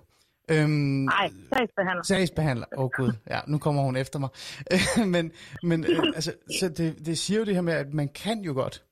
Øhm, altså, hvad, hvad tænker du det? Altså det her, øh, her til sidst, her, altså når man siger det her med, at det, du kan godt nå din drøm, du kan godt øh, spurte 200 km i timen. Du skal bare huske, efter du har gjort det så kan det være, at du skal sove en halv dag, eller, eller andet. Altså, og hvis man tager det med, så er det okay. Øh, og, og, og så længe man kan acceptere det selv, og er god til at måske at forklare andre, sådan er det bare, det er bare ærgerligt, hvad I tænker, så, øh, så kan det godt lykkes. Altså, hvad tænker du i forhold til det? Øh, tror du, der er noget håb i det? Jeg havde engang en mental træner. Øh, han blev så på til kraft. Men lige inden han døde, en af de sidste ord, eller sætninger, han sagde til mig, det var faktisk, at ikke sigte efter skyerne, når der er fodprint på månen. Mm. Og jeg tror, at det er noget, det jeg nok altid vil, vil have med mig i livet. Øhm, og måske har han lidt vidst, hvad der har været med mig også dengang. Uden egentlig rigtig ja, at sætte ord på det. Øhm, så jeg tror bare, jeg tror, jeg er et sted lige nu, hvor tingene er lidt sværere. Men om jeg mister håbet, det håber jeg i hvert fald ikke, jeg gør, og det tror jeg heller ikke, jeg gør. Okay. Ja, det, det, det har været lidt, øh, det, det er lidt hårdt jo. Altså det er lidt svært at tale om det her, og det er også netop, jeg gerne, det, grunden til, at jeg gerne vil tage det op, det er fordi, at det, det er jo lidt svært at sætte ord på det her, øhm, fordi man kan ikke undgå at, at pege lidt ind af, eller man, man kan ende med at stå i en situation, hvor man peger lidt ind af, og så siger, at det er nok bare mig, der er noget galt med i virkeligheden. Mm-hmm. Fordi alle, man taler med, øh, og her tænker jeg fagpersoner og andre, øh, også på en eller anden måde, øh, kigger rundt omkring og siger, ja, det kan være, at du skal, du skal tage dig lidt sammen. Rigtigt. Øhm, men, men, men altså, øh, ja, nu har vi jo taget samtalen, og der er, der er en del, der har skrevet, der er rigtig mange, der har skrevet om de forskellige, øh, nu har vi sådan taget lidt øh, fat i det her fibromyalgi øh, i dag på en måde, men der er også mange andre øh, hvad hedder det, mm, kroniske smerter, og det, og, og det virker lidt så meget, øh, for mig som om, at Måske skulle vi have lidt mere fokus på det, øh, og nu dropper det det politiske plan, men også i forhold til det, altså det informative øh, til vores unge, omkring at, øh, at kigge lidt øh, og mærke på dem selv, og hvis der er noget, der, er, der, der gør ondt mere end normalt, så skal de være åbne om det, og tale med deres, øh, med deres øh, forældre og deres familier, fordi at, at de skal ikke sådan skamme sig over det. Er det ikke sådan lidt det, vi kan sådan på en eller anden måde slutte af med, hvis det er, at vi skulle sådan give nogle råd derud, øh, ud over de ting, vi har været igennem, det er, at øh, hvis du sidder derhjemme og kan mærke, at altså, det er lidt sværere. Altså, når du er ude og fest med dine venner, så, så sover du lige en ekstra tand mere, eller kan mærke noget smerte, eller har noget, så skal du måske bare være åben øh, over, for, over for det og sige det højt til din, øh, til din nærmeste, at der er altså noget galt her. Øh, kan man ikke øh, også give det råd med, egentlig, i virkeligheden? Hvad tænker du, Lotte? Vi kan lige starte med dig. Jo, helt sikkert. Øh, men også, at øh, hvis, hvis der så er en, der kommer, også omvendt, altså hvis der er en, der kommer og fortæller det her, så lad være med at slå det hen. Mm. Øh, men, men helt sikkert, men desværre er jo, at, at med sådan nogle ting her, så ved man jo ikke, hvad der er normalt. Hvis man er i sådan en smertetilstand, så glemmer man jo lidt, hvad der er normalt. Øh, så, så, så det handler også om, hvis man, det gør vi jo rigtig meget, vi sammenligner os rigtig meget med andre. Så hvis man sammenligner sig med andre, øh, og kan se, at der er et eller andet, jeg har mere ondt, eller som du siger, ja. jeg har brug for at restituere mere, men så tag det seriøst. Tag dig selv seriøst. Mm. Ja, det, hvad tænker du her til sidst? Jeg er faktisk rigtig overvældet. Mm. Jeg tror, jeg har rigtig mange følelser lige nu. Og jeg tror nok lidt, det jeg vil have med mig videre, og måske også give videre, det er det der med, at det betyder rigtig meget at snakke højt om tingene, fordi det gør det også virkelig, og det gør det også lettere. Mm. Jeg, øh... Altså lige nu har jeg faktisk svært ved at sige ham til. Mm. Ja. Det ja. tror jeg skal være ordene for at, at runde den her snak af. Øhm, til jer, der har skrevet ind med jeres, øh, med jeres historie omkring det her, og, og især øh, mest omkring det her med, at det er svært at tale om i forhold til, der håber jeg, at, øh, at I har fået nogle råd i, i aften, øh, fordi at øh, vi netop har taget fat i det, og, og fordi Hadia og Lotte har hjulpet mig med at forstå, øh, hvor svært det faktisk er med at, altså, at for det første sådan at få folk til at erkende eller acceptere, at det er det, man slås med, men samtidig også på en eller anden måde leve med det øh, fremadrettet i virkeligheden. Ikke? Og, øh, og jeres, øh, jeg tænker, jeres, øh, jeres, ja, jeres historie eller andet, dem vil jeg lige prøve at dele her de, de næste par dage, så andre også kan se, hvad det er, I skriver, og eventuelt også komme øh, med nogle af de her med de her råd øh, fra, fra jer to, øh, Lotte og Hadia. Så, så med de ord vil jeg bare sige tak, øh, Hadia, til dig, for at du har lyst til at dele din meget, meget personlige historie med mig og med lytterne her i aften. Øhm, det har været specielt. Du, jeg tror endda, du får mig til at blive lidt rørt. Det er første gang, jeg har prøvet det, så tak for det. Øh, det, er jo, det er jo altid godt at kunne mærke det, og, og jeg håber, at du... Øh, hvad kan jeg sige, at du på en måde kan tage det næste skridt øh, sammen med nogen øh, omkring dig, som kan, kan støtte dig, så du ikke står alene med det. Det tror jeg nemlig vil være rigtig mm. godt. Øhm, det tror jeg, det råd, du skal få, du får med her fra rigtig socialrådgiver Ali her i nat herfra. Øhm, så, så tak, fordi du vil være med øh, til den her. Og Lotte, du, øh, du hænger lige på, så vi kan have dig med til næste emne. Øhm, Yes. det er godt. Så sætter vi Tak, øh, en... Det var så lidt. Tak, fordi du vil være med. Ja, selvfølgelig. Hej. Hej. Og så sagde den dødt, dødt, dødt. Lotte, du er stadig med. Øh, det, Jeg er var, det, med. Ja. det, det var altså lidt tungt. Det var tungere, end jeg troede, Lotte. Det må jeg indrømme. Øhm, ja, men, men det er også tungt men det er givende. Det må man sige. Ja, øhm, fordi og det, vigtigt. Ja, og, og det er jo netop et, et, et altså, kroniske smerter, og sådan, når man sådan nævner det, når jeg siger det højt, sådan kroniske smerter, så lyder det jo ikke sådan, altså, øh, men der er bare så mange følelser, og så mange tanker, og så mange drømme bag det i virkeligheden, som, som til sidst kan ende med at briste i virkeligheden, ikke? Fordi man øh, bliver nødt til sådan at anerkende og acceptere, at man er hæmmet på en eller anden måde på grund af de her smerter, ikke?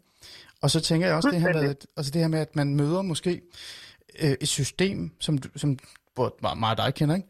som på en eller anden måde ikke vil erkende, at det, at det er noget, der fylder i personen. Øhm, har jeg fat i noget, når jeg siger det her? Øh, det var Ja, men altså, det, jeg sidder jo øh, og går sager igennem og kan se, hvor forskelligt læger møder det her, og hvordan forskelligt folk bliver mødt, når de har de her sygdomme, og, og det i sig selv er enormt skræmmende, Mm. at, øh, at der ikke er en ensretning i forhold til, hvordan man møder øh, folk, der har de her smertebilleder. Mm. Øhm, og jeg synes også øh, selv, det er super svært. Altså, øhm, i mit eget arbejde som sagsbehandler, og, og altså, ja. Ja. Øhm, og, og nogle gange skal der enormt lidt til. Altså, øh, jeg går for eksempel aldrig med, med tøj, der er elastikker i. Og så kan, jeg- altså, kan jeg huske, at jeg engang mødte en dame, og hun havde fibromyalgi, og sagde til hende, går du, øh, går du med sloggy-trusser? Du ved, de der hvide nogen med Nå, de der forfærdelige elastikker, ikke? Øh, ja, og så altså, sagde, jeg det- til, ja, så sagde hun, at det gjorde hun. Det er også sådan lidt et pikært spørgsmål at stille. Mm. Øh, det gjorde hun, og så sagde jeg, prøv at, tage dem, prøv at finde nogle trusser uden elastikker i, fordi det der med, at det sidder og strammer der, hvor blodet løber ud og sådan noget, det, det er ikke så godt. Øhm, og, og hun gav mig en kæmpe krammer næste gang, jeg så hende. Og hun var altså, hvorfor er der ikke nogen, der har fortalt mig det før? Hvorfor er der ikke nogen, der har fortalt mig, at jeg skal tage mine ringe af og sådan nogle ting, ikke? Men, men, Øhm. men siger du så også et eller andet sted, at der, er- altså, der er jo heller ikke noget vejledning, noget info omkring det? Ligesom jeg nævnte det der med, at vi burde måske have talt lidt mere om det, øh, i forhold til vores øh, altså, sygdomsforståelse, altså de der, øh, udvide vores men altså, der er sådan nogle smertehåndteringskurser, som, som, øh, som, øh, som alle, der næsten har haft en sag ved kommunen, har været igennem. Ikke? Og det er sådan noget, du har 12 stiger på en dag. Mm. Når du står op, så øh, har du brugt den første. Øh, og hvad, øh, hvordan vil du så komme hen til ske nummer 12, hvor du går i seng? Øh, Men det er, jo ikke, vil du lave Lotte, det, er jo ikke, det er jo ikke det, de, altså det er jo ikke det, man møder. Det, det er jo ikke det første, man møder, når man dukker op hos sin læge, eller taler med, sin, Nej, nej. Øh, med sine venner. det er eller mere kommunalt regi. Ja, Mm. præcis. Og jeg tænker sådan, det første lag, altså det der med, øh, og, der, og der må det jo måske bare være en samfundssamtale, altså samfunds, øh, ja, altså en samtale i forhold til det her sygdomsforståelse, altså det her med, hvad det er for noget, øh, vi bikser Mhm. bakser med, øh, som vi måske mangler. I virkeligheden så er vi måske lidt gammeldags, når det kommer til det her med, hvad er der for nogle sygdomme, der reelt øh, er derude, altså hvad er det, vi, øh, ja, vi slås med. Øh, der er der måske en, en form for opdatering, der mangler. Det er jo sikkert, at at der er også nogle fordomme, ikke? Altså bare i, Mm. i de specialer, der er mellem læger, for eksempel i psykiatrien og på det somatiske område, er der jo mega store siloer, øh, og, og, som gør, at det er rigtig svært som patient at få både hoved og krop med Mm. øh, igennem et sygdomsforløb. Øh, og det, det tror jeg, det er rigtig tit øh, der, det starter øh, problemerne. Også fordi, at mange af os, der har de her ting, har måske en eller anden form for, for bagage med, hvor man kan sige, at det hører det er oppe i hovedet. Ikke? Mm. Øh, Ja. Og så, så oplever vi et eller andet kropsligt traume, og så, så bliver det ligesom stadfæstet i smerter. Og det er bare rigtig svært øh, i, i det der sygehussystem og lægesystem, vi har i Danmark, og, og, og, og få det til at give mening. Mm. Øh, Ja. Og det, det, det er helt, altså, der, der trænger man virkelig til noget nytænkning. Virkelig. Øhm, Men altså, så, så er det jo også det der, nu har vi snakket med en helt ung kvinde, ikke? Altså, Ja. ja. jeg husker også, da jeg var 25, så skulle jeg genoptræne, så kom op øh, i sådan et varmvandsbassin og, og lå og, og, og, og svømmede rundt, eller druknede nok mere. Øhm, og så, hvad hedder det? øhm, og så det der med, og så mødte jeg de her gamle damer, som var sådan, de kunne ikke snakke om andet, end hvor syge de var, og hvor meget deres øh, læge ikke forstod dem, og deres hund forstod dem ikke. Og det bliver man altså sindssyg af. Altså det er ikke det, man har brug for at møde, når man er ung, øh, og, og har fået sådan nogle diagnoser her. Mm. Altså der er også virkelig brug for tilbud til, til unge mennesker. Der er også brug for, at, øh, at, at man får de her diagnoser meget, meget, øh, meget, meget tidligt. Øh, og det er også en grund til, at, at jeg har ligesom kunne navigere i det her meget bedre end, end mange andre. Øh, det er jo også fordi, at jeg har fået øh, diagnosen så tidligt.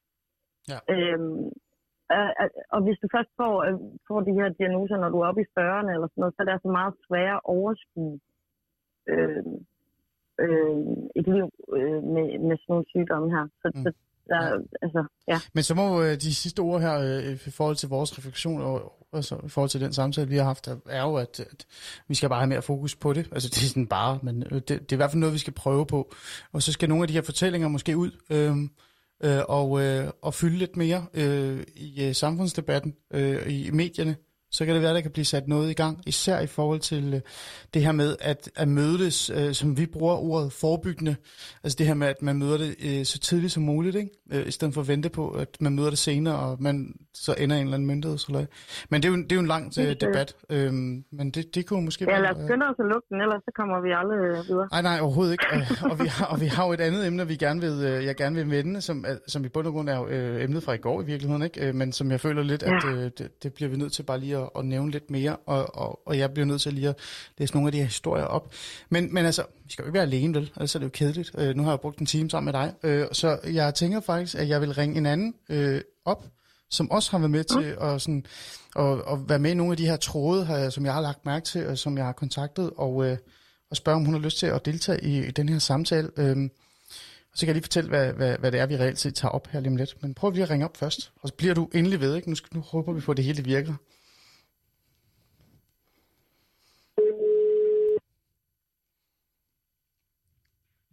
Ja, det er Amelie. Hej Amalie, det er Ali fra Ali Stemmer. Du er med live. Ja, hej så. Hej. Øh, Ja. Nu trykker jeg på den magiske, magiske knap, og så ser vi, om Lotte kommer tilbage. Så hæng lige på, øh, før vi øh, siger noget. Ja. Ah, men hun er med. Lotte, kan du høre os? Yes, Ah, men fantastisk. Nu virker det endelig. Det er da, det er da strålende. Nå, øh, vi er jo lige... Øh, vi, jeg har lige sagt hej til Amalie. Øhm, Amalie, Amelie. Amelie, ja, undskyld.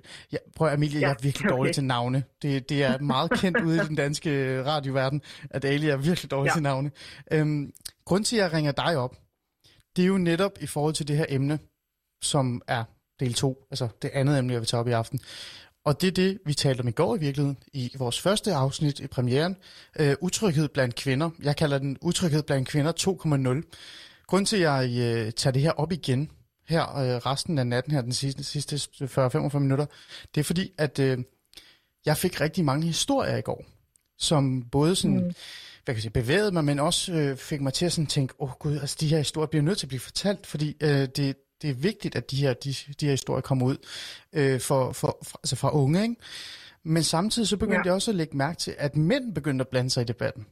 Og vi stod jo i går og sagde, hvor kunne det være interessant, hvis mænd gad at blande sig i den her debat på en konstruktiv måde.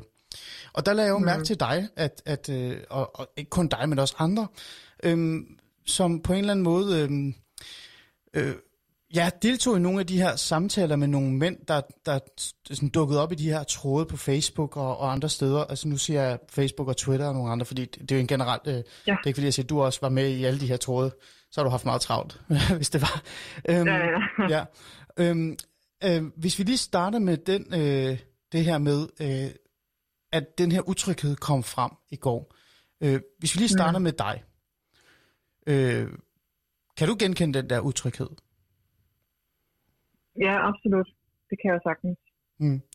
Så du er Men, også øh, helt ja, klassisk, øh, ligesom alle de andre, eller hvad? Eller hvad tænker du? Eller har du haft nogle oplevelser Ja. selv? Ja, det har jeg også. Øhm, men jeg ved ikke om, altså det er ikke fordi, jeg ikke vil dele det, men jeg synes, det er mere relevant at snakke sådan om, om sådan det generelle. Altså, Mm. Mm. For eksempel, nu svarede jeg på en kommentar i dag øh, af en mand, der nævner, at øh, jamen, mænd er også bange. Og øh, det, der ærger mig mest i den her diskussion, for jeg har også deltaget i den de sidste par uger, øh, det er, at der er rigtig mange, altså når vi kvinder, vi nævner helt, vi, vi oplever det her, vi er faktisk bange for jer. Altså ikke alle, det skal man altid understrege åbenbart. Det er heller ikke alle hajer, der slår ihjel, men de er stadigvæk bange for dem. Øhm, så, øh, så, så opleves det ofte som en underminering af vores oplevelser, når der kommer en kommentar med, jamen det er ikke alle mænd. Eller alle mænd, eller mænd oplever også det her. Og det sker faktisk desværre næsten hver gang, at jeg ser i kommentarfelter. Øhm, hvilket ærger mig lidt, fordi at en ting udelukker ikke det andet. Altså modsat for eksempel, når der bliver snakket om mænds selvmordsrater, som er 3 ud af 4 selvmord mænd, så kommer der ikke en eller anden, jeg har i hvert fald ikke selv set det endnu, en Mm. kvinde ind og sige, jamen det sker jo også for kvinder. Ja. Øh, så, så, så det ærger mig lidt, og jeg har gået lidt ned i, jamen hvad er det egentlig, der gør, at man kommenterer sådan noget? Mm. Altså hvad er det, der gør, at man har brug for lidt at forsvare, at jamen altså det er jo ikke mig, eller, eller sådan noget der. Altså, hvis skoen den passer, så, så er der måske noget om det, ikke? Lad os lige, øh, før vi går dyrker ned i den samtale, for det er netop den samtale, jeg også gerne vil have, have med dig og, og Lotte. Og så vil jeg også gerne lige have mulighed for at læse nogle af de her historier op fra i går, som jeg fik af kvinderne, som vi kan på en eller anden måde binde sammen med de her øh, øh, historier, som så kommer fra mænd, eller udtalelser, der kommer fra mænd. For jeg har faktisk også fået nogle, mm. i dag der lavede jeg et opslag, hvor jeg faktisk sagde sådan, hey mænd, man jer op, kom lige med nogle af jeres historier, eller kom med nogle af jeres øh, tanker omkring det. Der er, der, er nogle, der er nogle stykker, der har skrevet, ikke, nogle stykker, det er ikke mange, det vil jeg gerne indrømme, Ja. mindre end en håndfuld, men det er der i hvert fald nogen, der har skrevet. Øhm, bare lige sådan øh, for, for det plads, du sagde, at du har faktisk haft den her dialog, eller den her samtale omkring det her et par uger.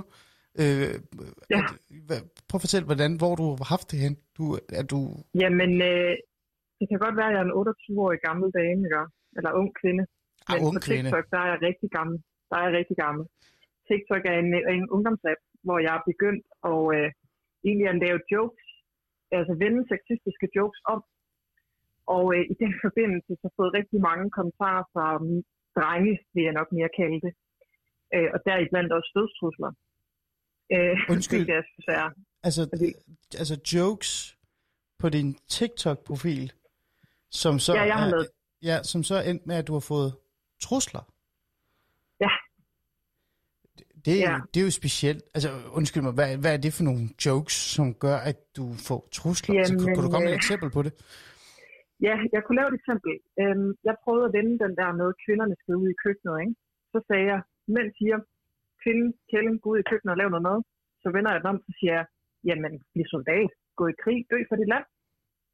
Altså, for at vise det ekstreme i, at it ain't cool. Nej. Altså, det, det er bare ikke nice. Altså, det er sexistisk. Ja. Og der øh, fik jeg så rigtig mange, øh, altså der, jeg tror, der var rigtig mange børn, der ikke forstår perspektiveringen i det naturligvis, fordi de troede, jeg sammenlignede det at lave en sandwich med at gå i krig. Okay. men, Ja. øh, men der var en ung dreng på 14, der skrev, øh, er der ikke nogen, der kan give mig en pistol? Det her det er grunden til, at kvinder ikke skal have rettigheder. En ung dreng Og, på øh, 14. En ung dreng på 14. Hold Det, op. jeg bad så om hjælp til at finde ud af, hvem drengen var, og finde hans forældre, fordi ellers så ville jeg melde til politiet, men jeg vil gerne lige snakke med forældrene.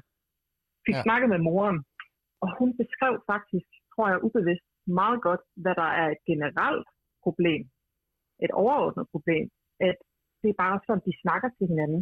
Det er som drengene, de snakker til hinanden og snakker om kvinder og, og Ja. sådan noget. Og Det er jo bare, bare normaliseret, ikke? Altså, Mm. mm. børn er virkelig hårde på internettet. Men øh, altså, altså nu, er vi, ja, altså nu er vi over i en helt anden øh, samtale, jeg faktisk gerne, rigtig gerne vil tage op. Det er faktisk en af de emner, jeg har skrevet op til, her, til at jeg gerne vil tage op næste uge. Øh, det der med sådan en Ja, form for ja. digital øh, chikane eller mobning. Hvad, altså, og den tone, Ja, der ja, faktisk er ja. kommet øh, selv helt ned på TikTok, altså på TikTok, hvor der er rigtig mange unge. Men det du beskriver her, Mm. det er jo den her form for øh, sådan, det er sådan modsvar, der altid kommer på en eller anden måde. Og, og det er den, du, Altid. ja, som du man- også nu i forhold til det her. Øh, med, med utryghed Ja. blandt kvinder. Hvis vi går hen til den, hvad er det så for nogle modsvar, du har lagt mærke til på benene medierne, altså, altså, altså på øh, de sociale øhm... medier, der er kommet i forhold til det her med, at kvinder har været ude at sige, at de føler sig utrygge blandt, øh, altså når de går ud om natten. Hvad er det sådan generelt, Ja, det, du har oplevet? Den hyppigste, det er, om det er jo ikke alle mænd. Øh, eller hvorfor, hvorfor skal det her gå ud over mig? Jeg har ikke noget med det her at gøre.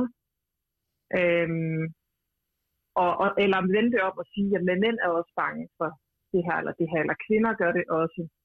Og jeg tror egentlig, at, at altså jeg, kan, jeg er jo ikke selv mand, der har sagt sådan noget der, så jeg ved ikke, øh, øh, hvorfor. Jeg, jeg kan ikke forstå, hvorfor. Mm. Altså, sådan, det er lidt ligesom, at jeg lavede faktisk meget hurtigt en joke lige med det der, hvor jeg lavede en, jeg siger, at jeg vil til Mexico og hjælpe gadebørn, at redde gadebørn. Og så står der en mand på den anden side og siger, jamen hvad med koalagerne nede i Australien? De er jo også ved at uddø. Bekymrer du dig ikke om dem? Mm. Altså, det er sådan lidt, øh, ah, man føler lidt, man banker hovedet imod muren. Det kunne være fedt, hvis der så var nogen, der sagde, hey, okay, det kan jeg godt se det her. Det er sgu et problem. Øh, ligesom, altså, det underminerer ikke et andet problem. Ja. Eller, eller ja. altså, du ved, fordi ja. man tager én ting op. Det, det synes jeg er vildt ærgerligt, at det er sådan, det, jeg oplever rigtig meget, desværre. Øhm, lad mig lige prøve at trække Lotte med ind her. Øh, Lotte, øhm, hvis jeg lige kommer med et eksempel, fordi nu har jeg jo lovet mig selv at komme med nogle af de her historier øh, fra i går. Ikke? Mm. Øhm, øh, der er to-tre historier, der siger cirka det samme. Det her med, at... Øh, finder lige her frem. Den er lige her. At, at øh, der er for eksempel en her, der siger, at det er, øh, det er ikke en frygt, jeg har. Øh, det er nærmere bare sådan, det er. Altså det her med, at man er utryg, når man går hjem om natten. Øh, og der er ja. En, der, der skriver det samme, men hun tilføjer så øh, på en måde, at, og, og jeg har heller ikke, altså jeg har, jeg, altså hun forventer ikke, det er sådan cirka det, hun lægger op til, hun forventer ikke, at mænd vil forstå den her utryghed. Men det er en utryghed, ja. hun har, og det er en del af hendes liv, og sådan er det bare, og sådan er det også med hendes veninder. Øhm, Ja. Og, og der, der er også en anden kvinde, der skriver, grund til, at jeg har lært, og, og det er meget interessant det der med, at der er rigtig mange kvinder, der ved, hvordan de skal holde nogle nøgler på en måde, hvor de kan forsvare sig Ja. på. Det er sådan lidt skræmmende i virkeligheden Klassiker. at tænke på, ja, mellem fingrene, så vidt jeg kan læse her. Øh, grunden til, at jeg har lært at holde øh, nøgler på den måde, er ikke for at være, altså er ikke fordi, at jeg har angst eller sådan noget. Øh, det, det er bare en, altså det er en sikkerhedsforanstaltning næsten. Det er det, hun lægger op til, ikke? Øh, så ved man det bare, hvordan man gør. Og sådan er det. Jamen, altså jeg skrev et oplæg om det her i går, eller ikke et oplæg, jeg skrev et Facebook-opdatering over det. Mm. Mm. Om det. Øhm, jeg brugte noget tid på at sidde og tænke over, hvordan altså, har jeg det egentlig selv. Øhm, og en af de ting, som jeg skrev, var, at det, at det her det er sådan lukket land for, rigtig, for, for halvdelen af befolkningen, altså øh, mænd. Og det er det øh, egentlig, fordi, tror jeg, at de her råd, vi giver hinanden, det går tit fra mor til datter, og så går det fra veninder, altså mellem veninder. Og det er Mhm. bare sådan, det altid har været. Øhm, og, og, og det er bare, ja, det er bare fuldstændig normalt. Mm. Mm. Og derfor bliver det sådan lidt lukket land. Øh, og, og, hvad hedder det, da jeg lavede det her opslag, så, så var der en veninde, der sådan skrev, eller lavede sådan en screendump fra en samtale fra sidste gang, at vi kunne gå i byen, øh, øh, hvor at, øh, jeg havde skrevet, er du kommet godt hjem der klokken øh, om natten, og, og hun har skrevet det samme til mig. Altså det er bare sådan, det ligger bare naturligt. At det, det er bare naturligt, øh, at man skal passe på sig selv. Øhm, og det, ja, altså jeg, har- jeg, jeg har hørt om, om kvinder, der giver deres teenage-døtre øh, penge til en taxa hjem, men ikke deres teenage-drenge. Mm. Altså det, der ligger sådan, der, der er sådan en hel kultur omkring det her, som bare er, øh, som bare Mm. kører øh, helt af sig selv. Ja. Øh, og ja, det tror jeg kan være svært at forstå, hvis man, hvis man ikke er en del af, af det der. Øh, ja. Og det er jo både i forhold til kvinder, men det kan også, altså det er også nogle af de samme mekanismer, findes jo også for eksempel i LGBT-miljøet og så videre, ikke? hvor man er mere udsat, Mm. eller i hvert fald føler sig mere, altså, Ja. eller der er man jo statistisk set mere, mere udsat. Ja. Der er nogle ting. Ja, jeg prøver lige at skrive, øh, øh, lige nævne nogle andre øh, af de her historier, før jeg kommer med nogle af øh, historierne fra mændene. Øh, og I kan lige begge to lige øh, høre, øh, hvad det er. Nu nævner jeg lige et par stykker af dem, og I, I må lige sige, at vi skal et genkendt til det. Også dig, øh, Emilie. Øh, Ja. Der er en, der skriver her, jeg tager taxa, punktum. Altså, hun, hun konstaterer bare, øh, at øh, hun tager en taxa hjem, ligegyldigt hvad. Ja. Det er en Pernille, Det jeg øh, der, der siger det. Ja, det kan du, det kan du også. Øhm, det er faktisk ikke- det er, det er ikke engang sjovt, det her i virkeligheden. Altså, det er bare skræmmende, ikke? men, øh, men ja. Øhm, så er der en, der skriver, øhm, det, det, det er sjovt, det er det der med nøgnerne mellem fingrene. Ikke? Nøgnerne mellem fingrene i lommen, altid midt på fortorvet, ofte med veninder i røret, øhm, når de går hjem. Det er sådan en form for, det gør vi bare. Øh, og så er der en, der har skrevet, det gør jeg desværre i forhold til at, og, altså svaret på, om hun føler sig utryg. Øhm, det kan faktisk være angstprovokerende at være alene om natten. Øhm, Og øh, her er der en, der skriver, har en fløjte i mit nøglebund. Og er altid meget ops på lyden, eller på lyden, når jeg går alene om aftenen. Øhm, og så er der en, der skriver her, jeg prøver virkelig ikke at lade mig styre øh, af frygt, men sådan er min virkelighed. Øhm, og dem er der altså rigtig mange af. Dem har jeg fået rigtig, rigtig mange af. Det, jeg synes, der er generelt ved de her svar, som er kommet, og de her historier, jeg har fået, som jeg synes, der var vigtigt at lige tale om i dag, men så også tage det, øh, mandeperspektivet med ind i det lige om lidt, som vi gør. Det er det her med, at jeg, jeg føler lidt i går, der kom vi ind på de her samme, altså den her snak og de her historier. Øhm, Amelie, nu prøver jeg lige at adressere det over for dig. At, øhm, Mm. at jamen, altså, det var noget, der var forfærdeligt, og det var skræmmende, og det var interessant og nysgerrigt og anderledes. Og det var noget, man øh, sådan forholdt sig til. Men nogle af de her øh, historier, jeg sidder og bladret igennem i går nat og, og i dag, de, er også, de, de, altså, de tyder mere på, at det er bare en virkelighed. Altså, det er sådan, vi tænker ikke over det. Ja. I går der talte vi også Ja. med øh, en, der sagde, at hendes veninde havde sagt til hende, hun følte sig ikke utryg, når hun var ude om natten. Men da, så, da de så havde talt om den her utryghed, så kom hun sådan i tanke om, at når jeg grund til, at hun ikke føler sig utryg, det er fordi, at hun tager altid taxa. Hun ved, hvordan hun skal holde en Ja. nøgle, og hun ved, at hun skal ringe, hvis der er nogen, der følger efter hende. Så, så Ja. fordi hun gør det, så føler hun sig ikke utryg. Øh, Hvad tænker du om det her med, at det, det er faktisk bare en, øh, en selvfølge, at kvinder bliver nødt til at tage de her forbehold? Altså, kan du, øh, hvad tænker du om det? Jamen, det er jo ærligt, er, det er jo ærgerligt, at det er således. Men det er nu engang øh, den måde, vores samfund er på lige nu. Altså, hvis man går rent statistisk, så er det jo kvinder, der bliver mest altså, øh, slået ihjel, og altså, ikke i krig og sådan noget selvfølgelig, men, men, men øh, over, altså, voldtaget og, og sådan nogle ting. Øh, altså, den der procentdel, der var 97 procent af kvinder i, øh, i England, som havde oplevet, oplevet øh, seksuel øh, hvad hedder det, harassment, hvad hedder det? Den? Ja, adfærd Krænkelse. eller, eller krænkelse? Eller, Ja, okay. seksuel adfærd, ja, lige præcis krænkelse. Øhm, og, øh, og, det, og det, som jeg tror, som jeg oplever, er det største problem, det er den her forestilling om, at, øh, at altså, det, det, det, der skader det hele, det er det her med, at det er fortælling om, at den stærke mand, oh, ja, han skal være så stærk, og det, det, det, det, og, altså, det, der, det, det, det, som man, man også kalder toxisk masculinity, toxisk maskulinitet, som egentlig gennemsyrer rigtig meget Mm. ubevidst. Vanvittigt ubevidst. Altså, jeg har snakket med rigtig mange mænd, som var sådan, wow, det var jeg sgu lige bevidst om det der. Det er egentlig rigtigt. Altså, så jeg tror, det er sådan noget, der ligger så meget ubevidst i os, men som vi prøver at råbe op og sige, vi kan ikke mere. Altså, vi er så trætte af, at det her det er noget, vi skal frygte, så vi har brug for mænd, der allierer sig. Det her det er ikke en kamp af kvinderne mod mændene. Vi skal gøre det sammen. Men mændene har i hvert fald et kæmpe ansvar. Alle mænd. Det er, altså, for, for at sådan at øh, hjælpe med at kunne, kunne bryde det her. Og det, Så- man så kan gøre, det er jo netop at kalde sine venner ud, når han tager en eller anden på røven, eller altså, i, de, i de der parametre der, ikke? Mm. De parametre. Ja, og øhm, og- når og- han sender...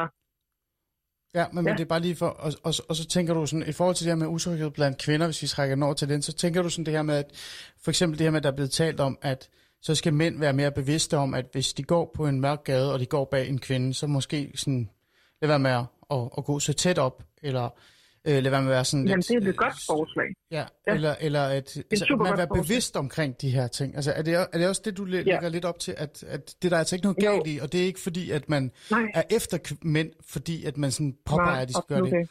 Du, du, du, for, du håber bare, at mænd har en forståelse for det. Er det det, du siger?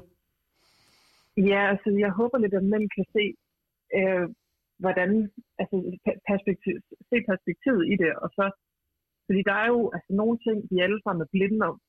Altså, øh, være det handicap, eller være mørk, eller whatever. Men, men at være åbensindet, øh, og, og, og ikke se det som, at, at vi hader mænd. Altså, Øh, men at øh, for eksempel, hvis nu at jeg har 10 kiks, hvor en af dem er, er en lort, altså, Ja, okay. så, så, så vælger jeg jo ikke at spise nogen af dem overhovedet. Nej, nej. Nej. Lidt det samme med, hvis der er 10, altså hvis der kommer en mand bag med mig, det er ikke fordi, jeg tænker automatisk, ham der, han vil slå mig ihjel, eller ham der, det, det gør noget. Nej. Men, men man er sådan lidt, man ved, der er jo et, et, et biologisk også øh, Ja. forskel der, ikke? at jeg ved, at han har Ja. kræfterne til det, så derfor vil det gerne hjælpe Ja. mig, hvis det var, at han også var bevidst om det. Ja. Det er utrygheden igen, du, du påpeger her. Altså det der med, at den, Ja, det er den ubevidste utryghed, Absolut. den er der. Og det hjælper bare ikke, at mænd bare siger, den findes ikke. Det, det er noget vrøvl. Og forresten, vi mænd bliver også slået ned i byen. Det er sådan lidt det, du lægger Ja. lidt op til. Lotte, øhm, Jo, det er jo lidt at prøve at, prøve Ja. at underminere Ja. det kvinder. Men det, jo, må jeg sige noget for Ja, ja, det? Altså, ja, tingene, præcis. Altså, tingene hænger jo også sammen. Altså, vi har haft en kæmpe debat. Jeg har selv været med i den bevægelse, der hedder En blandt os, Ja. ja. der startede sidste år.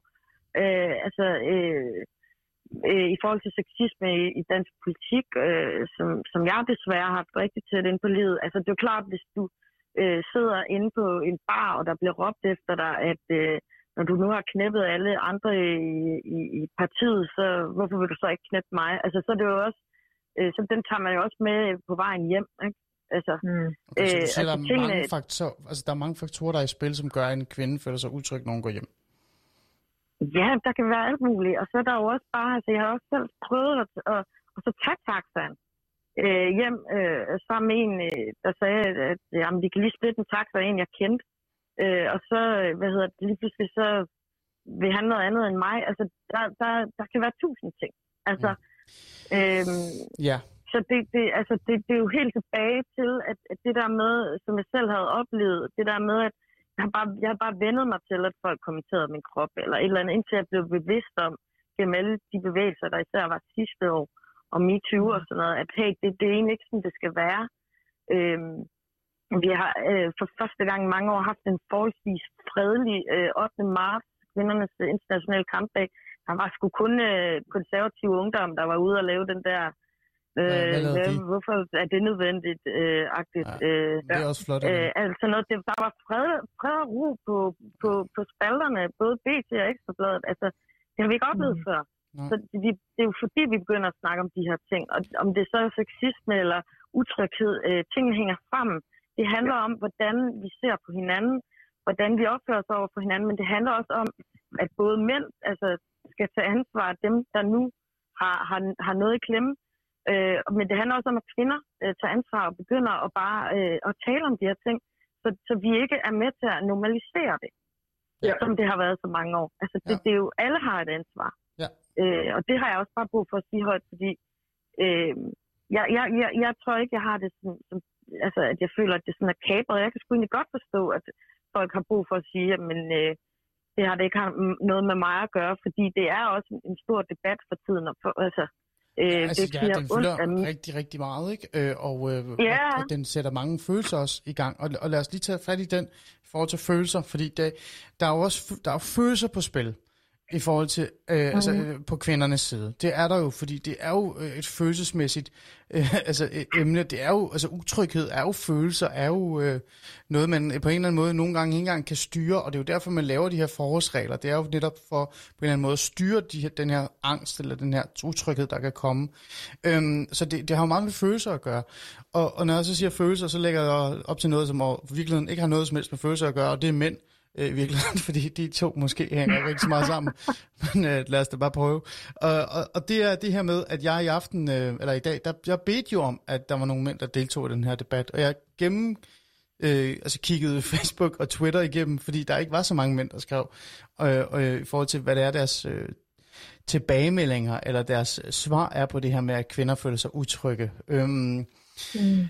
Hvis vi lige, øh, før jeg læser nogle historier op, eller nogle pointer op, jeg har fået sendt til mig, øh, så tager jeg lige den her generelle øh, tilbagemelding, der har været for mænd. Det har jo netop været det her, øh, som, øh, hvad hedder det, Amelie, du var inde på, den her generelle med at sige, Nå, men ja, ja, hvad med det andet?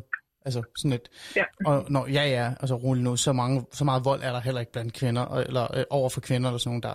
Eller øh, jeg så også, at der er mange mænd, der har været ude og påpege, at statistisk set, så er, det, så er der større chance for, at mænd bliver slået ned i byen, end en kvinde bliver slået ned i byen. Og der er sådan et, ja, altså jeg tænkte umiddelbart, at det her emne handlede om utryghed blandt kvinder, når de var på vej hjem. Det var ikke, når de stod i et værtshus. Øh, men, men jeg kan se, at det er, den, øh, det, er det, det er det svar, der kommer generelt. Øhm, Ja. Jeg talte med et par gode venner, drengevenner i dag, ringede vi til dem, fordi at jeg havde brug for noget input fra, fra mænd for det her. Og, og en af dem, han sagde faktisk noget interessant, som er helt normalt øh, gut, arbejder øh, faktisk øh, sådan helt øh, jeff og, og super cool, og der er ikke noget der, og går meget ind for ligestilling. Men jeg synes, det var interessant, det han sagde. Han sagde det her med, at nogle gange, så kan den, øh, en, en så simpel en debat omkring utryghed blandt kvinder også blive hijacket af sådan nogle øh, yberfeminister på en måde, som han kaldte det, øh, som gør, at, at det netop lige pludselig bliver mændenes skyld, det hele. Og det var hans teori mm. i forhold til det her med, at, at man på en eller anden måde nogle gange mistede en så simpel, basal samtale omkring, at vi har altså et problem med, at kvinder føler sig utrygge, når de er på vej hjem. Fordi når vi så begyndte at tale om det, så blev det meget sådan med, at det er mænds skyld det hele. Og de skal bare, øh, altså, de skal bare holde sig langt væk. Og, og det er en form for, så går der noget forsvarsmekanisme i gang hos, øh, hos nogle mænd, som er sådan lidt, nu er de efter os øh, alle sammen, og nu er det vores skyld det hele. Det var hans, øh, det var, det var en af de ting, han kom med, som jeg synes er interessante. Øhm, men men den, den kan vi også bruges på sexisme-debatten og på ligestillingsdebatten og det hele. Altså, det er jo ikke noget nyt. Øhm, men det var bare lige for at sige højt, hvad det var. Øh, vi taler om det her bagefter, hvad det er for nogle inputs, der er kommet. Ikke? Det, var, det var i hvert fald den generelle overblik, jeg kunne få på Twitter eller andet. Så er der faktisk også øh, nogle mænd, der har skrevet til mig. De vil så gerne være anonyme, og al respekt for det. Øh, det skal der være plads til, og det kan I altid være i alle stemmer. Øh, man kan altid skrive ind til os øh, og til mig, og så ja, så læser jeg op en ny, hvis man har brug for det. En af dem er en, øh, vi kalder Torben, lad os sige det. Øh, han øh, skrev til mig, pointen er, jo, at, fl- at pointen er jo, at flere kvinder er bange, og det skal man acceptere og forholde sig til. Men jeg er blevet overfaldet fire gange i byen. Tre gange er jeg ind på hospitalet, og jeg får hver gang bare smidt i hovedet. Du var sikkert også bare provokerende. Mest fra kvinder faktisk. Jeg er pisse bange for de samme mænd, som jeg er bange, pisse bange for de samme mænd, som kvinder er bange for. Og i virkeligheden burde jeg kunne mødes der. Altså, hvor, hvordan, altså, fjerner vi det sammen, de her mennesker, ikke? Altså, han, han prøver sådan at appellere til, at prøv at, det er ikke kun et kvindeproblem, det er også et mandeproblem. Der er også en anden der har skrevet til mig, øh, jeg er stor fyr, men når jeg går hjem fra byen og møder tre til fem drenge stående sammen, så bliver jeg også bange og vender om. Øhm, og dem er der et par stykker af, det her med, at den utryghed er der også blandt mænd, men vi må bare ikke tale om det, fordi at vi både er mænd og stærke, men fordi der er også kvinder, der siger til os, tag os sammen. Sådan skal det ikke være. Er der ikke noget omkring det, at man på en eller anden måde, øh, der er også noget kultur, der gør, at, at, at samtalen faktisk bliver ødelagt for, for, for start, fordi der er nogen, der mener, at øh, jamen altså, det er kvinderne, der har mest ret til at føle sig utrygge øh, på vejen. Det er lidt hårdt Jo, sagt, og- men nu prøver jeg at lægge op til Jo, det, fordi det- vi skal jo have lidt mandeperspektiv med i det her. Ikke? Øh, Lotte, jeg kan høre, at du har lyst til at sige noget. Kom med det. Ja, altså, jeg, jo, altså, jeg har også selv haft den. Altså, øh, da jeg så 8. marts til Kvinfos, øh, hvad hedder det, øh, arrangement, så, øh, så var der en mand, der skulle tale, og han kom faktisk med en indrømmelse om, at, at han var blevet klogere i forhold til nogle sexisme-ting. Øh, og så var der folk i tråden, der var sådan, du skal ikke, øh, hvorfor skal han tale? Det er kvindernes internationale kampdag. Og jeg havde det bare sådan, jeg havde, altså, jeg havde lyst til at, øh, øh, at grave mig ned på mit kønsvegne. Altså, øh, jeg, jeg oplever også de der ting, hvor det er svært at have en samtale, fordi tingene bliver så ekstreme, og, og det er også en af grundene til, at jeg faktisk selv i mange år havde svært ved at for, forbinde mig selv med, med feminisme og sådan noget, fordi det blev meget ekstremt. Øhm, sådan har det ikke længere, og nu er der nogle andre ting på spil. Det er blevet en måde, vi kan tale om på en helt anden måde. Jeg, jeg synes ikke altid, det går øh, op i, i, i de to fløje, men jeg kan godt forstå det. Altså, jeg kan godt forstå de mænd, der tænker, øh, herre Jesus, og det larmer rigtig meget. Øhm, men jeg må også bare sige, hvad vi synes, der var ekstremt, øh, hvad jeg synes, der var ekstremt feminisme for tre år siden, øh, er jo ikke øh, ekstrem feminisme længere. Men man må også sige, at vi rykker os, hin- øh, også hinanden Mm. øh, med, med de der yderpunkter, og det synes jeg også er vigtigt. Øhm, og vi skal give plads til hinanden, og lige nu, øh, der, der, er det altså, der er det altså kvindernes tur, og det er ikke en enten eller, fordi det, vi skal også, øh, vi ved, jeg skal anerkende, og det gør vi da også, og det gør jeg i hvert fald, lidt kun tale for mig selv, jeg anerkender i hvert fald også, at der er et kæmpe problem med, med, med, med mænd, der bliver umotiveret øh, overfaldet i nattelivet. Men, men, men, men skal den ene snak øh, øh, gøre, at vi ikke kan tage den anden? Altså, det bliver sådan, mm. det forstår jeg ikke. Ja. Øh, den præmis har jeg heller ikke lyst til at komme ind, altså at købe ind på, fordi så kan vi bare ikke rigtig snakke om, øh, om noget, og så kommer vi ingen vegne. Mm. Ja. Ja, hvad, hvad tænker du, Emilie? Ja, men jeg tænker, øh, at øh, det, der, det, det, der jo er faktisk fællesnævneren her, også ved de mænd, der kommenterer, det er jo faktisk mænd. Altså, som jeg også kommenteret i, i, i, i kommentarsporet. Øh, så mænd er jo også bange for mænd. Mm. Øhm, det, der, det, jeg tror, der desværre også sker, det er, at øh, især også andre mænd øh, kommenterer på mænds oplevelser som værende invalid eller ikke maskuline nok. Fordi der er den her fortælling om, at, at den stærke mand, han skulle kunne klare alt, og han skal ikke vise svaghed, og være sårbar og sådan noget. Ja. Og den fortælling skader os alle sammen. Den skader både mænd, og skader kvinder. Der er rigtig mange mænd, som ikke tør at tale op om voldtægter, eller øh, hvad hedder det, overgreb af kvinder. Mm. Altså, jeg sidde lige og læse en statistik her, hvor et mænd de anmelder øh, faktisk mest voldtægter, hvis det er kvinder, der har gjort det, men ikke hvis det er andre mænd. Fordi så er det jo, altså, mænd. Uh, altså, hvilket er, er, hvilket er vildt skadeligt, for det er jo sådan et all-round problem. Jeg vil dog ikke være enig med, øh, om at det også er kvindernes ansvar. Det er aldrig kvinders ansvar, at der er en maskulin kultur, som, som ødelægger øh, nogle kvinders liv. Øhm, det, men, det synes men, jeg ikke. Det er kvinders ansvar om, at vi skal tale op om det. Ja. Altså, det, det. Det er ikke alle, der kan det. Vi er nogen, der godt kan. Men, øh, ja. men, men hvis ja. man skulle ej, men det, det er jeg virkelig ked af, hvis det lige bliver sådan opfattet, fordi det, er ikke, det her det er ikke sådan, at det, øh, det er offernes problem at tale om det. Øh, det har jeg selv været øh, offer i en sexisme-sag for videre. Det er ikke nødvendigvis sådan, at man kan det. Det jeg mener, det er, når der er et momentum, så har vi et ansvar for at støtte hinanden øh, til at snakke højt om det. Øh, ja, okay, ligesom jeg også, okay. så misforstår jeg det. Ja. ja, men det kan også ske, at jeg bare har været uklar. Men, men det er jo det, jeg oplever, at der er sket her de sidste års tid at der er kommet nogle bevægelser, hvor man virkelig støtter hinanden, øh, mm. som, som jeg aldrig har oplevet det før. Øh, og, og, det, og det er super vigtigt. Ja, det vil jeg sige som mand, så i den her samtale, fordi nu er jeg ikke kunne få andre mænd til at deltage i den her. Øh, og det er også sent om aftenen. Det kan være, de... Øh, nej, det ved jeg ikke, om de sover. Men, men øh, det er jeg jo enig i. Altså, det er blevet nemmere at deltage i ligestillingsdebatten. Det er blevet nemmere at kalde sig halv feminist i virkeligheden. Det er også nemmere at gå ud og sige, ja, jeg, jeg, jeg er fuldstændig enig. Og det er rablende vanvittigt, at kvinder skal føle sig utrygge, bare fordi de gerne vil gå hjem. Øh, så det er, nemt, det er blevet nemmere. Jeg tror, det var meget sværere i 2012, 2010, 2016, måske endda 2018 ja. for den sags skyld.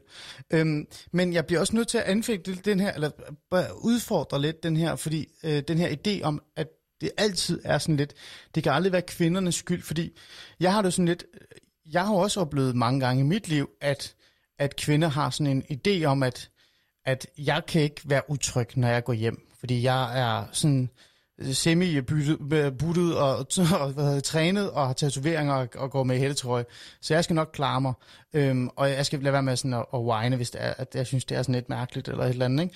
Øh, så der er også noget kultur i det, det her med, at man dyrker den her maskulinitet blandt mænd, øh, altså at kvinder ja. også gør det. Altså, det synes jeg, at man lige skulle absolut. Altså, det, det, der tænker jeg sådan, det er der også mange, desværre. Ja, og, og, ja. Det, og det synes jeg bare, at man lige skal have med. Så det er jo den her, den her normale samtale, vi måske skal have gang i. Fordi jeg synes, øhm, der er en anden tråd, jeg har fundet, eller et opslag fra mig, Britt Marie øh, Lundgaard, som er tidligere øh, øh radiovært på Radio, Radio 100, tror jeg det hedder, øh, og, ja, og hvad hedder det, forfatter. Øh, hun har skrevet et, øh, et meget fint for, altså opslag, hvor hun sådan, på en eller anden måde, sådan, på en eller anden måde sådan, øh, tager fat i noget, som jeg synes var interessant som mand at læse i forhold til den her øh, utryghed øh, blandt kvinder. Øh, jeg prøver lige at læse den op, så kan I lige se, hvad I selv synes om det her. Øh, kan jeg vide, hvor mange mænd, der har, der har lært af deres fædre at fordele et nøglebund mellem knurrene, så man kan gøre mest mulig skade? At tale højt og tydeligt om, hvor tæt man er på en større selskab end i en død telefon. At skifte fortov, holde sig til store veje og altid gå under lyskejler. At gøre sig bredskuldret med hætte over hovedet i håbet om, at man bliver opfattet som en mand. At man aldrig må gå med musik i ørerne, når man går alene om aftenen eller om natten. At sende screenshots af ruten, man skal gå, så man kan ledes efter. At man skal skrige, før han får fat i dig, så han måske kan blive skræmt væk. Ovenstående er barndoms, øh, hvad står der her, barnlærdom for kloge piger, der tager sig af sine forårsregler. Skal vi ikke lave om på det? Øhm, det er hendes forslag, og, eller ikke forslag, det er hendes opslag, og, og den her undren om, altså kan jeg vide, er der, altså hvor mange mænd har egentlig lært det af deres fædre? Og jeg må da indrømme, at jeg tror sgu, jeg tror sgu ikke, der er mange drenge eller mænd, jeg kender, eller kommer i tale med øh, fremadrettet, eller har før i tiden, der kan sådan direkte sige til mig, ja, ja, det var noget, min far sagde. Husk lige at skifte fortov. Hold det til store veje. Mm. Eller øh, aldrig have musik i ørerne, fordi du ved aldrig, hvem der slår ned bagfra.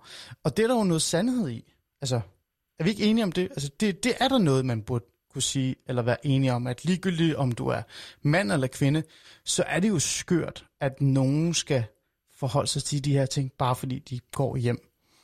Øhm, er vi, er vi ikke Ja. enige om det? Hvis I bare kan sige ja eller nej til det, så kommer mit, øh, mit forslag lige om lidt. Er vi, er vi enige om det? Ja, det er skørt. Ja. Ja. Øhm, kunne man så ikke, altså fremadrettet, øh, de næste par dage eller uger, måske appellere til, til mænd, og så sige, kære øh, mænd, i sidste ende, så handler det ikke om køn. Det handler om, at, at vi står i en situation, hvor der er altså, øh, individer, som bliver nødt til at tage foranstaltninger, altså tage forårsregler, bare fordi de går hjem af.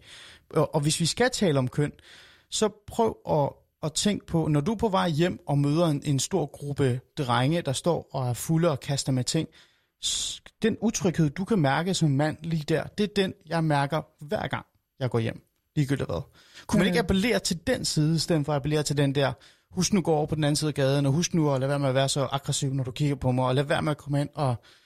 Jeg lærte, det hed catcall i går, tror jeg. øh, øh, Mm, det er korrekt. Ja, øh, kunne man ikke appellere til den?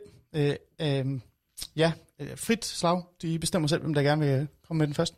Det kunne være dig, Emilie, for eksempel. Ja. Jo, det kunne man da godt.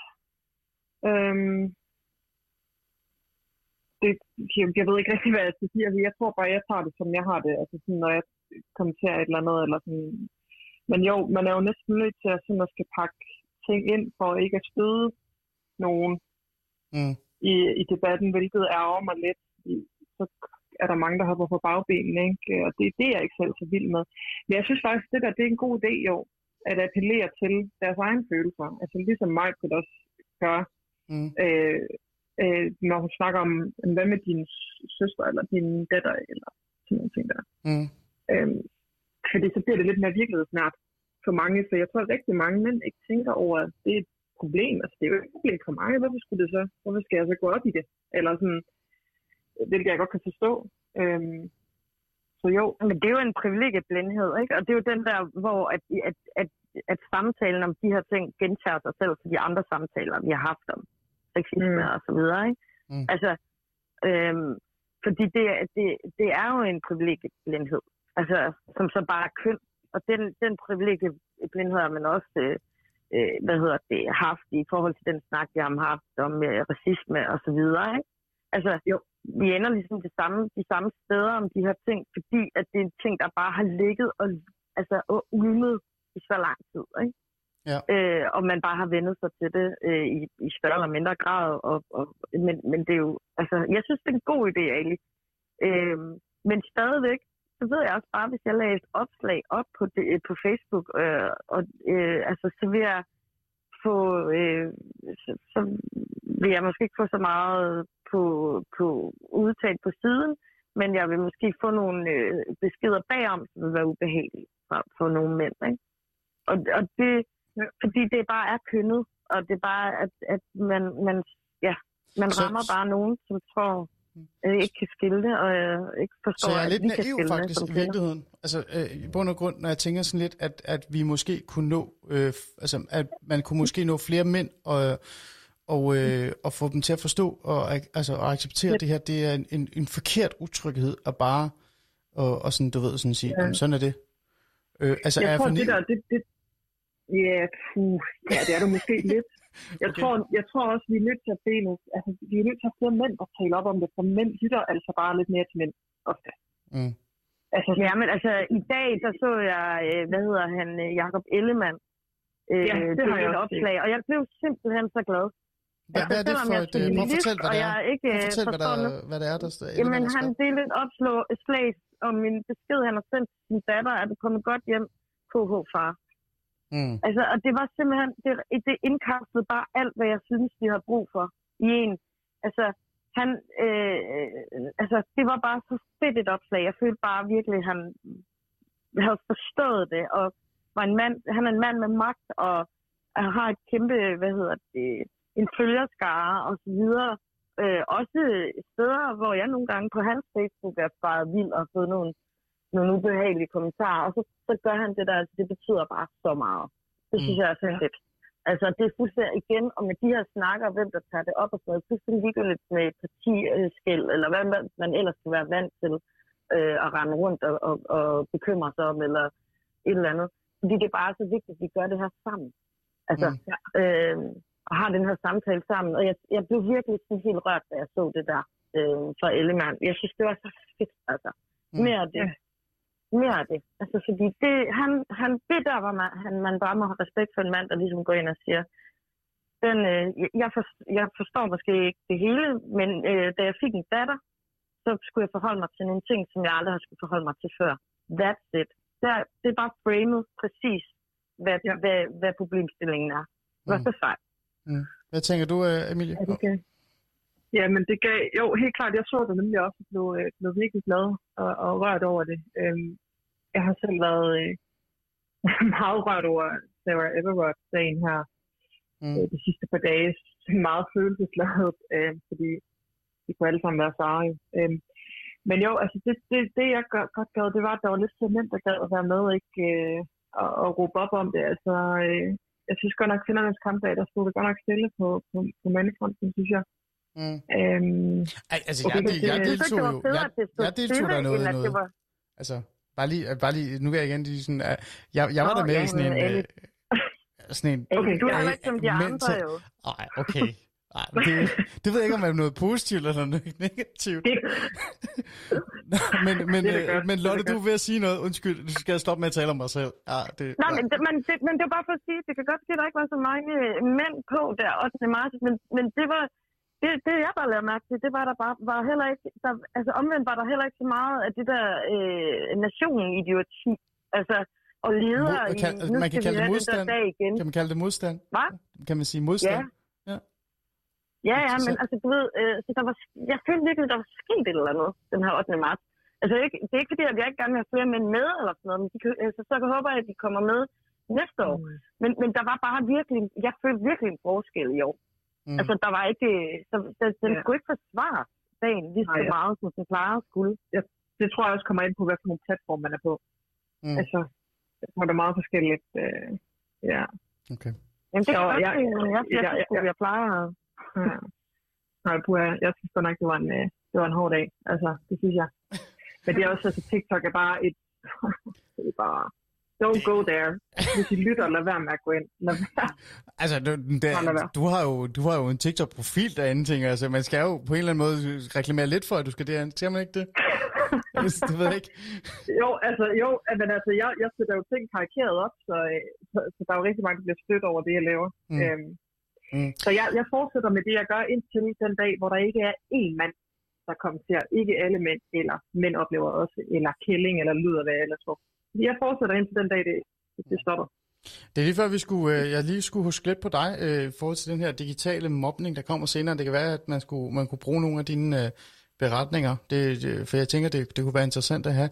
Fordi jeg har også øh, jeg har lagt Ja. mærke til de her... Øh, Altså, når du snakker om, Lotte, du snakker om den her med den her modstand i forhold til altså, ligestilling og altså for mandefronten, ikke? Altså, den er blevet mindre og mindre. Det synes jeg faktisk også selv. Øh, så må jeg indrømme eller erkende, at sproget og øh, øh, hvad hedder det, tonen blandt unge er blevet lidt vildere, synes jeg. Er jeg ved ikke, om det er, fordi, altså, jeg ved ikke, om det er, fordi jeg er blevet gammel. Jeg har ingen idé. Øh, men, men jeg tænker sådan lidt, øh, det, det, er jo, det er jo også noget, man øh, måske skulle kigge lidt øh, på. Men det er jo en helt anden, det er en helt anden snak, det er en helt anden debat. Ja, øh, til sidst Ja. her, øh, de sidste 40 sekunder, eller noget af den stil, et minut, øh, kan vi godt lægge på. Øhm, nu har vi snakket om det i går.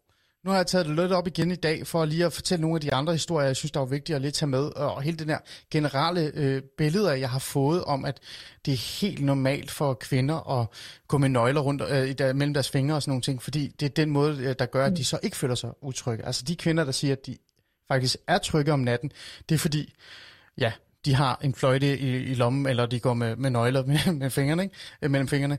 Det, det er jo lidt vildt, og det synes jeg var vigtigt at have med.